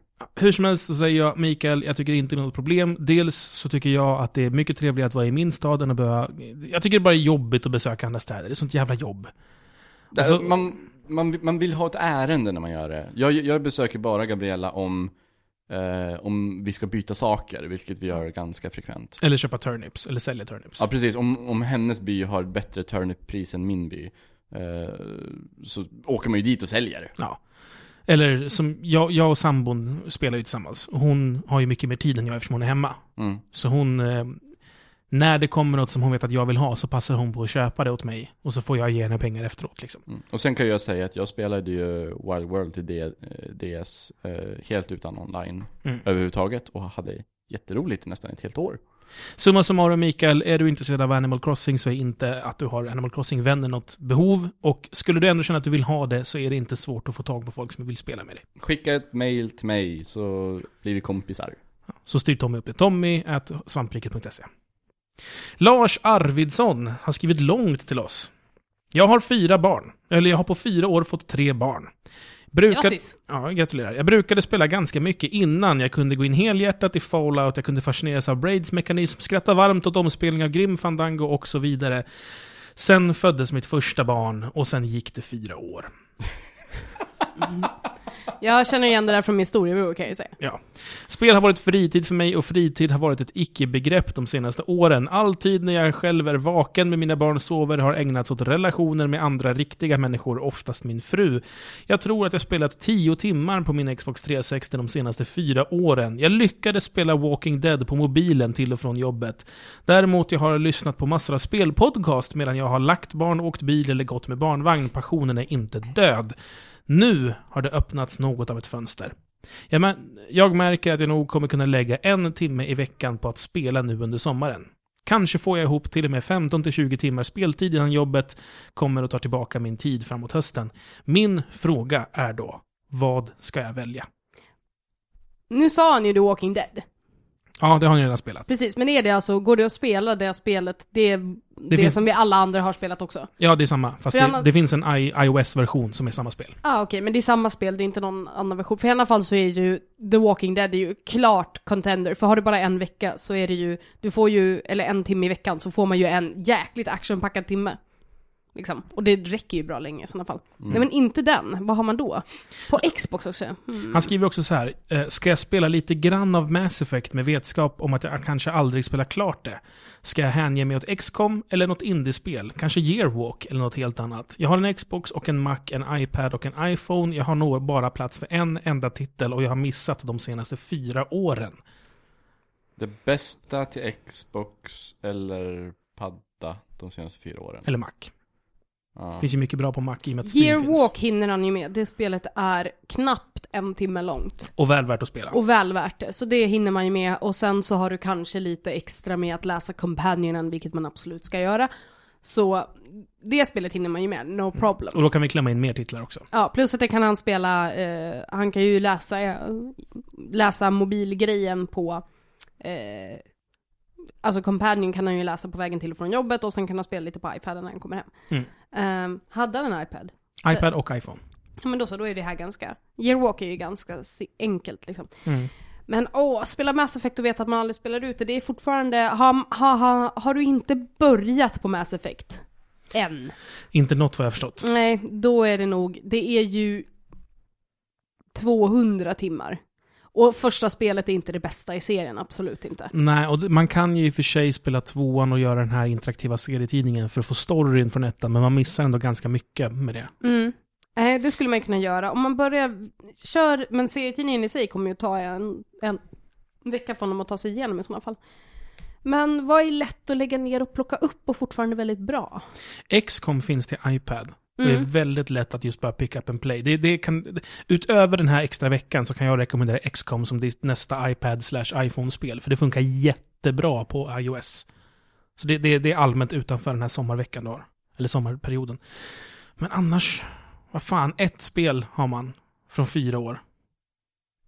På en vecka. För min del så hade ju det varit Dragon... Jag hade ju, om Men det inte hade varit inte för det på en här så hade det varit eh, Dragon Age och Mass Effect som jag hade rekommenderat. Men det, som sagt var, jag tror inte att man får ut så... Alltså en timme Mass Effect är ju 45 minuter men det är helt i laddningsskärmar i hissar liksom. Det, man kommer inte Hur, så hur, långt. hur mycket tid hade han på sig? En timme i veckan, totalt 15 till 20 timmar. Mm. Meatboy tycker jag är jätteroligt. Det är också pick up and play it. Så, Ja. Ja. Om man gillar den sortens spel. Man kanske skulle fokusera lite grann på liksom Indie- Snabba indie-titlar. snabba indie-titlar där du inte glömmer kontrollerna. För att Mm. det är ju i alla fall så här. Ilo Milo. Mm, I och med att han har en Mac. Portal 2. ja, absolut. Portal 2. Kör på det. Ja. Riktigt bra spel. Också lite pick up and play. Och Ja. få frugan och du tid över och du, man på något vänster kan spela två på en Mac, vilket jag inte tror att man kan. Så, En på Xbox och en på Mac. Fan, han skulle haft en, PS, eller han skulle haft en PS3. eller också kan han lika gärna skaffa det på Mac, eller det finns ju även till Xbox 360. Jo, men då kan man inte co-opa. Det kan man ju. Inte, inte med en Mac. Nej, inte med en Mac nej. Nej. men om han köper ett Xbox 360 och har två kontroller så Jo, kan han ju co-opa på Xbox 360. Ja, För då även om man jag har tänkte inte på split screen. Nej. För man kan ju annars köra Mac och PC-versionen med Playstation-versionen. Ah. Men, Nej, Det- i alla fall. Portal 2, absolut. Det är fruktansvärt bra. Det är, mekaniken är ju inte problemet i det spelet. Man har ju ganska lätt att bara plocka upp det och fortsätta där man var. precis. För att det krävs inte att du lär dig någonting. Du måste inte ha knapptryckningarna i händerna liksom för att klara det. Sen skulle jag kanske vilja säga Fundera över om, om, om det räcker med barn nu. Nu hade han tre. Ja. kolla, kolla om det känns tillräckligt. eh, och i så fall så behöver du bara vänta några år innan du kan sitta och spela med barnen. Ja, det kan, ja, i och för sig. Jag tänker att när man har kommit till tre, då är det bara att fortsätta köra eller? Vi var, vi, vi var tre barn i min familj. Jag tyckte det var lite för många. Ja, okej. ja, det är kanske lite trångt. Ja, nej, men det var väl våra tips till Lars. Ja, jag skulle som sagt vara... Och antingen, antingen Portal eller bara köra... Börja köra, beta av de här stora titlarna. Ja, jag skulle säga antingen, antingen, Alltså, stor- antingen ett stort spel eller Nej, en men alltså, massa menar, indie. i, nu tänkte jag fel, för jag tänkte stortitlarna inom Xbox live. så typ Limbo, Braid, Castle Crashers. Castle Crashes är fruktansvärt roligt, också bra co-op-spel om din fru är det minsta intresserad. I annat fall så är det också ett spel man kan eventuellt eh, spela med barnen när de har blivit lite större. Ja, fast det, det, det skadar ju inte att spela det nu heller. De har ju fortfarande roligt och allt pruttande och ja, bajsande. precis. Men det är det jag menar, men hur, hur mycket finmotorik man ha? blodigt. Ja, det är ju Ja, det. fast det är cartoony violence. Det tror jag man fixar. Man kan ju Ja. säga att det är sylt. Man får ju som förälder avgöra själv vad man tycker, men Ja. det är ju det eller Portal 2 skulle jag säga. Portal 2 är ju egentligen det, är det bästa. Det, Det kän- är det- den här det- generationens bästa spel tycker jag. Mm. Jag tycker det är Mario Galaxy. Sug på den, det är jag som tar Nintendo-titeln. Det är på andra plats för mig. Nästa mail kommer från Jonas Larsson. Huka er gubbar och gummor, här kommer en fråga. Vad vill ni se i det kommande Zelda till Wii U? Alltså inte Wind Waker-remaken. Innovation eller back to basic? För övrigt gör ni ett fint jobb med podcasten, fyller mina tisdagar må väl. Det lär ju bli ganska basic. Om man kollar på vad de brukar köra för mönster. Ja, fast undrar vad, vad vill vi se? Kvinnlig Link, Kvinnlig Link. kvinnlig Link. Ja, jag vill ju se in- innovation. Så jo, kvinnlig Link vill jag också se. Men jag vill inte att hon ska prata. Men jag vill gärna att det ska vara en del, att hon inte kan prata ska vara en grej. Eh, jag är innovation, tycker jag också. Mm. Jag, jag, I och med att jag inte får min bakåtsträvande retro-älskling så, så eh, tycker jag att det är roligare att de utvecklas till någonting mer. Jag skulle gärna se lite mer open world också. Jag vet att det är, att det är trendordet och alla hatar det egentligen. Men i, i Hyrule så älskar jag att rida häst. Det är ju det bästa som finns. Och det är ju lite open world som det har ryktats om. Mm. Till och med online-funktioner. Nej! Ja okej, kanske. Så länge det inte är ett morpg så är jag nöjd. Men eh, jag skulle gärna se att det var lite mer online. Kanske lite större än vad vi var vana att Zelda-spel är. Skulle ju kunna Eh, vara co-op. Mm. Eh, en har paddan, en har nunchuck och emote. Jag skulle vilja se introduktionen av svårighetsgrader i Zelda. Det låg jag och Gabriella och snackade om i sängen igår när vi egentligen skulle sova. Mm. Eh, hon vill också ha det. Mm. Jag är skeptisk. Jag skulle Någon vilja ha det. kan få göra mig lite tryggare inför den idén.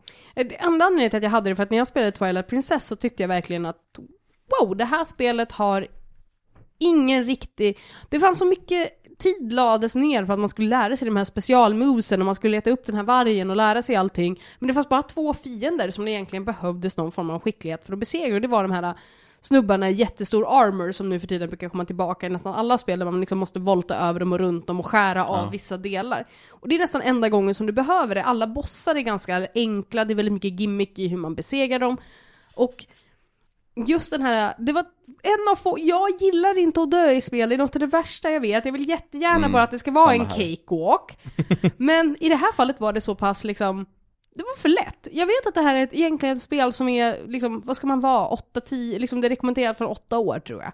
Så att det, det, Fast det är väl inte för svårighetsnivån eller? nej men det är ju inte Fast svårighetsnivå. den är, den är alltid Den är ju också. liksom inställd Va? på att det finns en yngre målgrupp här som ska kunna spela det här spelet. Mm. Jag skulle jättegärna se lite högre svårighetsgrad, där där jag får känna mig, att jag inte bara lär mig saker, för att det var problemet med Twilight Princess som jag kände det var att jag fick lära mig så mycket saker, jag fick så mycket pengar och det fanns ingenting att spendera de här pengarna på, det fanns ingenting att spendera den här kunskapen på, för att jag behövde aldrig planera strider något värst. Mm. Det mesta var baserat på en eller två gimmicks och sen så gick det ganska bra att springa fram och hugga allting. Så jag skulle jättegärna vilja ha en form av en möjlighet att välja normal. Ska- eller något. Och då- Easy får vara liksom vad Twilight Princess låg på. Ja. Jag kom på en, en sak jag vill ha. Jag vill ha så lite saker som möjligt kopplat till att skaka eller på något annat sätt gyrostyra. Ja, nej, inte det. För att i, i just Twilight Princess, den här movet du pratade om, och hoppa över volt där man använder nunchucken och Wiimote och man ska skaka på olika vis. Ugh, ugh. Jag spelade det, jag är inte korkad, jag spelar inte på Wii, jag spelade det på GameCube. Ja, Som en jag, normal människa. jag har ingen, eller jag hade ingen GameCube Nej. då, utan jag spelade på Wii. Och då var det här movet var att man skulle skaka på ett visst sätt med sin kontroll. Kanske en av tolv gånger satt den. Hur mycket jag än tränade. Och det var lite så här, det här är en trasig kontrollmetod. Jag gör precis som ni säger att jag ska göra. Ibland funkar det, ibland inte. Det här är ju ett stort problem även i Skyward Sword, men det kan som sagt på att jag spelade ju Skyward Sword, Ja, då satt jag en meter från tvn i en säng. Men just det här när man ska stöta framåt, Mm. det hade jag jättestort problem med att få till. Och det finns fiender som bara kan besegras av det. Precis, de här... äh, Elektriska jävlarna. På, på, när man möter på en bro. Mm, Och som pushar bakåt. ja. Det där med stötandet, det är väl det enda som jag kan hålla med om inte funkade optimalt i Skyward Sword. Eh, det är väldigt viktigt att man säger väldigt ryckigt, knyckigt. Man kan inte bara fram. Nej precis, man måste, göra nästan en liten... bak också. Så här, Ja precis, man måste stäba så att den riktigt känner av vart du är Mm. någonstans. Och det, det kunde vara lite problematiskt ibland. Ja. Det är sånt som jag inte vill ha i min Zelda. Nej, jag, jag har jättegärna uh, swordfights som i Skyward Sword. Jag älskar det. Och Ja, blir så- jätteledsen om de inte har kvar det. Jag tycker inte om att Jag trycker hellre på en knapp. Alltså överlag, jag, jag gillar att få styra med motion sensing-grejer. Men jag tycker inte om när det bara ska vara ett knyck. För då kan det lika gärna vara en knapp, för då är det ingen precision. Mm. Om det är så här, knyck betyder att han svingar och sen styr inte jag svingen med att jag aktiverar den. Precis, Då och kan så det är lika det gärna ju vara en inte i Skyward Sword. Nej, där då är det faktiskt väldigt det är mycket mer precision. one-one då. Mm. Jag tycker, då- men Twilight Princess var ju så, det var ju helt Ja, värdelöst. det, där var det helt onödigt. Men Twilight Princess utvecklades väl heller inte från början mot Wii, som Nej, det gjorde ju det Skyward Sword, hade ju lite mer. För att det var ju till GameCube, och, Och- till GameCube är det alldeles för lätt. och Och, sen till Wii så är det alldeles för frustrerande för att det inte funkar. Och Twilight Princess hade ju inte motion plus heller. Så Nej. de Nej. kunde ju inte göra något annat. Utan de Precis. var ju tvungna att klistra på det där liksom. Lite som skakfunktionen i Mario Galaxy, som är helt meningslös. Precis. Hade Men inte lika frustrerande i alla fall. Nästa mail. En pojke med en plastpåse. Kallar sig den här personen. Ah, okej, jag trodde att det var början på en novell. Om pojken är under fyra år, ta plastpåsen ifrån honom. Ni måste välja två spelstudios och en känd spelutvecklarprofil, typ Hideo Kojima. Och de ska göra ett spel, ni får också bestämma vad det ska vara för spel och en massa detaljer om ni så vill. Vad väljer ni? Det här är ju en sån här fråga som man måste läsa i typ två timmar innan. Jag har ju redan gjort de här en gång, men vilka, två spelstudios? Två spelstudios, Måste det vara två spelstudios? Jag förstår inte varför jag skulle vilja slå ihop två spelstudios. de ska samarbeta. Ah, Det, är- det är inte jag som bestämmer, det är pojken med plastpåsen. Okej, Två spelstudios, en känd producent, eller okänd, du får välja bara, någon Mm. producent. måste Eh, och sen vad är det för spel? Jag har ju alltid, jag har ju ett dream team som hade mer eller mindre varit, men nu kommer jag inte ihåg vilka det är bara för det. Jag har ett standardsvar jag kan dras med när ni tänker. Ja, Mm. Retro Studios och Capcom gör Mega Man Prime. Oh. Jag har sagt det många gånger, men det... Spelprofilen då? Eh, ja, då ska det ju vara... Eh, I och för sig, det kanske man ska ta någon från Retro Studios. De gjorde ju ett bra jobb med Metroid Prime. Nej, men vad fan. Vi tar eh, Megamans fader. Jag har tillfället glömt bort vad han heter. Uh, Yuji Naka? Nej. Säkert. Na, ja, men han. Ja. Han, som, han som startade Megaman. Bioware och Bethesda går ihop och gör ett open world Mass Effect-spel där man får välja origin story baserat på vilken form av space alien man vill vara. Oh. Får jag slänga in att John, John Carmack är med och jobbar så vi har en stabil motor som inte kommer gå sönder på Ja, men det kan funka. John Carmack kan få vara med på den. I alla ja, fall, ja. ja. nej. Jag, jag säger... Nintendo går ihop med Grasshopper och gör ett Zelda där Shinji Mikami står för striderna. I high school. Zelda High School. Ja, Det hade varit jätteroligt att se en reimagining överhuvudtaget av Zelda-serien som får stå utanför kanon. Ja. Det, det skulle jag vilja se. Det svaret håller jag fast vid. Jag skulle också vilja se en, ett Final Fantasy-spel som samarbetas tillsammans med Epic. Just för Epic gör stabilt modernt gameplay. Behöver inte vara shooter. Men de har alltid så här bra tyngd och känsla i sina grejer. Final Fantasy? Ja, för att jag tycker Final Fantasy har varit alldeles för substanslöst och glättigt. Och nu pratar jag inte om storyn eller karaktären, utan jag pratar om gameplayet. Det har känts som att man slåss med plast. Och nu vill jag ha lite riktig så här, metall och rustning och gammalt. Det... Var det The Last Story som hade, var cover-based? Man kunde ta cover där tror jag. Det, det är inte sådana saker jag tänker på. Det är, det är, inte, det är inte deras traditionella liksom Gears of War gameplay jag är ute efter. Utan det är just känslan i hur material beter sig i Epic-spel. Vem gör ett jättebra Mm. pusselspel? Jonathan Blow. Okej. Men han är inte en studio. Har han en studio? Ja, hans studio är han själv typ. Okej, men då tar vi... Jag skulle ju också kunna tänka mig att köra en med... Eh... nej, Annars Valve, är rätt bra på pussel annars. Ja, Valve kanske. Nintendo är rätt bra på pussel. Nej, jag ångrar mig. Jag orkar inte för jag orkar inte komma ihåg vad alla namn är. ja, du fick en radda med olika svaren på Ike med plastpåsar. Jag hoppas du är nöjd. Sage frågar, vad tycker ni om Majora's Mask och vill ni se en 3DS-remake av det? Kom vet- aldrig så långt i Majora's Mask. inte jag heller. Jag kommer aldrig in i första grottan. Jag läste, jag visste hur jag skulle göra men jag lyckas aldrig. Jag har ju försökt varva det spelet fem, fyra gånger. Det enda spelet, enda serien, eller spelet som jag har försökt lika många gånger är väl Super Metroid då. då. Eh, Samson gillar ju uh, Majora's Mask. Ja, det är det Zelda-spelet på 64 som jag tycker om. Mm. Jag Ja. vill inte se en 3DS-remake. Fast, ja, ja. Jag skulle kunna tänka mig det för jag vill försöka spela det igen för jag tog eh, och satte, pluggade in min gamla Nintendo 64 och tänkte nu jävlar, det här spelet är ju så sjukt liksom kultförklarat. Ja, det är jätteomtyckt. Mm. Jag måste verkligen, och jag förstår att jag inte fattade för att jag var ganska ung när det kom, det var ju 13, 14 när det spelet kom. Mm. Ehm, Jag var nog... hormonstinn och korkad liksom. Så, jag trodde du skulle säga kåt. ja det kan gå om det är hand, det vet man ju inte. Alla, alla är väl det när man är 14-15. Ja, förmodligen. Så jag tänkte jag ska försöka spela om det och verkligen så här satt i spelet och bara Holy heck vad det här inte har åldrats med värdighet det minsta. Det var liksom ganska fult när det kom. Så det var, gick inte. Så jag skulle kunna tänka mig en remake till en konsol som jag inte äger för att jag skulle kunna spela det. Med tanke på hur mycket Ocarina of Time sålde till 3DS Mm. så blir jag väldigt förvånad om det inte kommer en remake. Eftersom nu verkar de ju bara hoppa, by their time med Wind Waker. Ja just det, det är, precis. De remake är uppenbarligen allting nu. Ja, jag vill inte ha en remake för att jag tycker att eh, 3DS-remakes av 64-spel väldigt sällan har blivit bra. Det är ju svårt med Nintendo 64-spel att det, de är ofta väldigt anpassade till den där jättekonstiga kontrollen. Ja, men inte bara det. Alltså, om bara titta på det grafiska. Alltså 64 hade ju en väldigt speciell arkitektur, vilket gör att spelen, man ser ju på ett spel att det är ett 64-spel. Mm.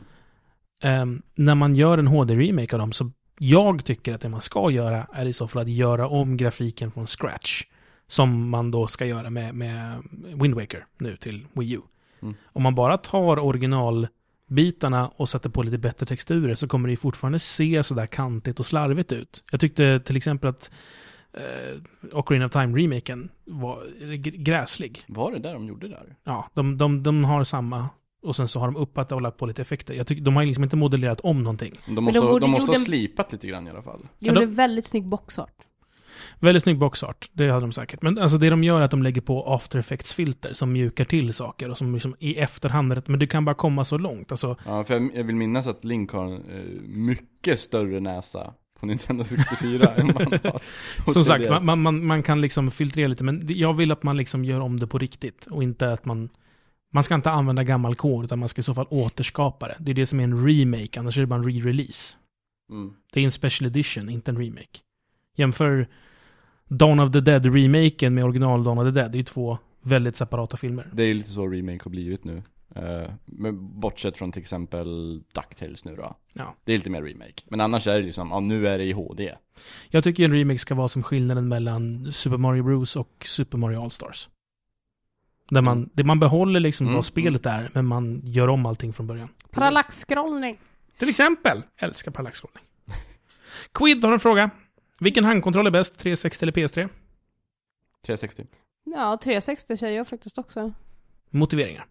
Jag tycker att PS3 är, jag gillade ju inte 360 när jag började spela, men jag tycker att den känns jävligt ordentlig. Den ligger bra i handen, den glider ingenstans liksom, den, den håller sig där den är och jag når alla knappar väldigt bra på den. Jag har problem med eh, L1 och eh, liksom Axel, L- axelknapparna. axelknapparna på en eh, Playstation. Och även, jag har väldigt små händer så jag tänker att den egentligen ska vara ganska bra för mig. För att små händer är en bra grej. Men eh, jag är ganska förtjust hur, liksom, jag har svårt med de, mm, ja, axelknapparna. Och det har jag inte på Xbox 360. Och den glider inte på något vänster utan jag kan liksom hålla den ganska bra. I alla fall så, eftersom att jag har så små händer, jag har jätteproblem med Wiimotes exempelvis, de glider ju i min hand. Stadigt neråt. Du måste ha kondomerna på, vet du. Men jag har ju det, men då går det lite bättre. Men i alla fall så tappar jag den gärna och lite samma sak har jag med nu har jag egentligen så tycker jag inte att det är någon större skillnad med dem. Mitt egentligen största problem med, med kontrollen till PS är att den är så lätt.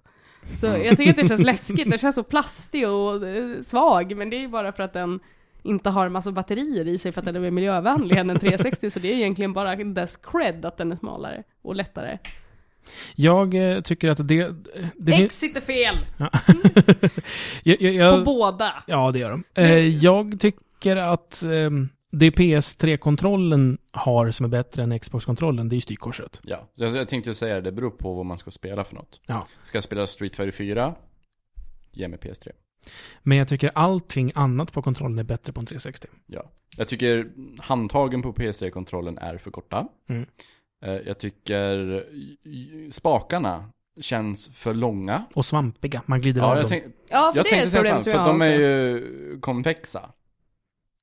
Så det, det känns så fel. Ja. Allt ska vara konkavt som fingret ska vila på. Mm. Jag har jätteproblem med de här, alla gånger när man spelar Playstation, man måste rotera liksom kontrollen snabbt. Du vet det här, man ska rotera det, Heavy Rain. ja, heavy rain, en av axelspakarna, och man måste rotera dem snabbt. Och det bara går inte, för man glider ju, tummen glider ju av mer än vad man faktiskt lyckas rotera den där grejen. Så jag får ju Man- lägga den i handen och så gnida över den där i cirkelrörelsen. Ja men precis. Får, har, det- får man du får skaffa ju- en speciell handske så du inte gillar det. Ja. Det känns som att man måste snurra i mycket större cirklar än till Xbox 360 också. Och samma sak där, och trycka ner, för det upptäckte jag nu när jag spelade Last of Us. Att trycka Gud, ner det har jag inte ens tänkt på. för att tända en ficklampa eller crouch Ja, de här down. klickgrejerna. Det går ju inte att klicka ner den utan att man samtidigt också springer lite åt Ja, vänster. exakt, det är ju det. Du, du rör dig ju. Det är inte som att du har ju tummarna på ett specifikt ställe på Xbox. Typ, det är inte ett problem i Gears of War, tror jag man trycker ner också för någonting. För snipern. Ja, precis. Och där har jag inte alls haft något problem med att man ska klicka ner saker och ting liksom. Men så fort jag gör det i exempelvis The Last of Us och Joel bara Twitch! Lite mer åt höger. Och sen man bara, För er som undrar så Malin typ ryckte hastigt bort från bordet. jag glömde bort att det visuella inte funkar så bra i podcasts. Eh, jag skulle vilja säga att Xbox-kontrollen med sladd. Eh, och det är inte någon sån här eh, finsmakare, nej men jag ska absolut nolla lagg mellan knapptryck och när det händer något, för det skiter jag i. Jag tycker däremot att batteripacket är för tungt. När jag, håller en, ja, när jag håller en Xbox-kontroll i handen så vill den falla framåt. Jag vill att den ska liksom ligga så som jag ska hålla den. Om jag, om jag slappnar av och får limp wrist, då faller den framåt. Och det, vill- det vill jag inte att den ska göra. Och det verkar ju Xbox One ha ordnat. Förhoppningsvis, de har liksom balanserat om det. Däremot så har jag hört att PS4 kontroll ska vara typ en blessing att sp- spela med. Mm. Ja, Det, det, det, det är faktiskt den som... Av det jag vet, jag har ju inte hållit igen. Nej, men Men av, av det jag av har dem jag sett och hört, så äh, verkar, för nu är de ju konkava de där spakarna. Tack och lov. Och jag tror de har fixat L2 och R2 så man slipper trycka uppåt. Ja, det är det som är problemet. Jag kommer Ja. ihåg första gången jag spelade PS3, jag spelade Motorstorm. Jag, jag var helt ställd av beslutet att ha gasen på R2. Så jag hela tiden får släppa för att ta omgrepp hela tiden. Det finns ju, det finns ju ens ingen sväng där nere som liksom, så fingret får ligga i en vagga. Utan man bara glider vidare. Det är så dumt. Det är inte för inte som alla shooters på PS3 använder liksom de här toppknapparna. De som är bumpers på en 360. Mm. Men de tycker jag är så den sekundära axelknappen. Jag tycker det är triggern som är den viktiga axelknappen. Mm. Och då är det så konstigt att man liksom ignorerar den i så jättemånga spel för att de är så dåliga att trycka på. Nej, kontrollen är en stor anledning till varför det blev 360 istället för PS3 den här generationen för mig. Det var våra svar. Sista frågan för dagen kommer från Niklas Tadeus. Eller Tadeus. Jag vet inte hur jag ska uttala det. Hej, jag chansar på att alla har spelat Mass Effect. Stämmer det? Ja! Jag undrar vilken planet i serien skulle ni vilja bosätta er på och varför? Tänk er att det är innan någon kontakt med Reapers och ni inte kan lämna planeten. Varför skulle jag inte kunna lämna planeten? Då är vi i jättekonstig Du är väl för fattig för att flyga, Mm. kanske? Jag vet inte. Jag, jag är ju en sån här konstig sits där jag har spelat 1, 2 och 3 men, Men kan, du minns ingenting. Jag kan ingenting. Jag kan namnet på en planet and that's it. Jag kan säga på en gång för jag vet. Ja, det... Citadellet. Jaså? Ja, Men det är inte en planet. nej men det får duga. Jag vill vara på Citadellet. Men Citadellet får du inte välja, det är fusk. Men det är demokratins centrum. Ja, men du får inte välja det för det är inte en planet. Det är en jättestor flytande stad i rymden. Ja, okej Planeten då. närmst, närmast Citadel. Den där lavaplaneten med lava köttätande bakterier. Nej men i så fall så väljer jag eh, Mordith. Mor vad heter det? Heter han Mordith? Mor Mordith? Ma- Mordin! Mordin, ja. Mordins hemplanet, jag vet inte vad de heter, jag har glömt bort. Salarians hemplanet. Salarians Jag minns inte heller hur det ser ut, men den är en ganska fin garden world och människor kan andas där. Ja, och sen tänker jag på att de är så här underbara varelser som går liksom efter, de är typ Spocks. De går efter logik och vetenskap. Jag skulle Mm. trivas jättebra i en sån miljö. Jag gillar Salarians också. Det fanns ju en, en planet som man besökte som var efter Reaper-invasionen, alla var döda och man var bara där och letade efter någon form av liksom liv. Som var en gammal Garden Planet som dessutom hade varit ett gemensamt försök att kolonialisera det. Så både det var Salarians, Asari-människor och lite mer folk. Så det var liksom ett antal personer som försökte kolonisera den här världen och det hade gått jättebra tills det typ Collectors dök upp, eller om det var Reapers som brände, det måste ha varit Reapers för att i alla fall hade de inte tagit Asari, men skitsamma. Um, och brände ner hela skiten. Uh, sådär! Kanske. På den planeten. På den planeten. Jättefint. Eh, mestadels för att jag var där och bara oh it's all pretty and stuff. det skulle vara roligt att kolonisera en ny värld och Garden Planet låter så mysigt. Sen att det säkert betyder stor flygande drake. För det var, det var någon värld man var på där det helt plötsligt dök upp en silhuett av en drake och jag bara Tänker ingen kommentera på det där? det är en drake. Garrus! Gar vad är det där? Han bara, I'm calibrating stuff. Ja, han bara såg inte, brydde sig inte. Uppenbarligen, de har dåligt, ser dåligt på håll säger vi. Han Bra för en sniper. Mm. det är därför han har sitt lilla visir. Ja. Jag, jag gillar i och för sig också, om man bortser ifrån de kolonisatörerna som fanns där, man tänker sig att det är en rå planet, så tycker jag eh, den man besöker på Zaids Loyalty Mission. Jag hade aldrig Said. Inte jag heller, men jag gjorde hans Loyalty Mission. Eh, det ser ut som en paradisö, alltihopa. Det är Mm. liksom, det är palmer och sandstränder och, och azurblått vatten och sådär. Jag, jag vet inte, jag har någon sån drömbild av hur det skulle vara att dra sig tillbaka på Hawaii med Mm. någon strandbar. Jag tänker att jag kanske skulle kunna få till det där. Jo, men jag vill ju gärna ha det här multikulti. Gärna såhär, åh vi är ett forskningsprojekt och nu ska vi alla samarbeta och försöka kolonisera det här Ja, platsen. men citadellet, men du nekar ju mig. Ja men Citadellet får man inte vara, alla vill vara på, vi, vi säger att man får inte lämna planeten men man får åka till Citadellet. Okej, ja men då. Då, Så. då är det skitsamma, jag åker till citadellet jämt. Ska på stan ja! Har du rätt? Jag ska på stan. Eh, det var alla frågorna. Mm. Eh, ska vi så här live i podden välja ut vilka fem som får en bok, eller ska vi hålla det hemligt? Vi kan hålla det hemligt, det blir så taskigt när det är bara, det är inte som att det är en vinnare, det är två förlorare. Det är, inte så schysst. Ja, jag tittar på dig, Mikael. Nej, Mm. det, jag säger Då inte måste han det är. vinna bara därför. Eh, Ja, kanske. Men eh, det var... Var allt som vi hade för idag i sådana fall. Så eh, tack till er som har lyssnat och vill man eh, kommentera på det här avsnittet så mejlar man till svamppodd at svampriket.se så kan ni mejla in era frågor. Ni kan även kommentera på Twitter antingen direkt under hashtaggen svamppodd eller bara äta svampriket.se eller heter vi svampriket bara? Bara, bara svampriket. Bara svampriket. Och på YouTube så ska man Gilla, prenumerera, kommentera. och kanalen är Eh, svampriket. .se? Nej, bara svampriket. Bara svampriket. Man kan också gå in och gilla oss på Facebook på facebook.com slash svampriket. Och på YouTube kommer det komma ut shitload of stuff. Jag har redan börjat göra det. Vi har en sajt också. Vi har en sajt också, för de av er som bara, jag vet inte vad, ramlade in på den här podden på ett lokala Konsum. För att alla andra poddar har sommaruppehåll. Ja, exakt. De bara TV-spel på iTunes och så kom vi upp. Ja, det, ja, det har du rätt i. Svampriket.se heter vår eminenta sajt. Där kan du också naturligtvis kommentera direkt under avsnittet. Eller titta på när jag och Samson cyklar. Det kan man också göra. Ja! Har det kommit upp? Det är uppe på YouTube. Ja, Inte svampriket än. I, i, jo, senare idag. okej. Tack så mycket för att ni har lyssnat. Tack så mycket Tommy, Samson och mig själv för att jag har tagit mig tiden att medverka i den här podden. för er som inte har bonusavsnittet så syns vi nästa vecka och er för som har bonusavsnittet så kommer vi snart få höra mig äta knäckebröd! Woohoo! Bye bye!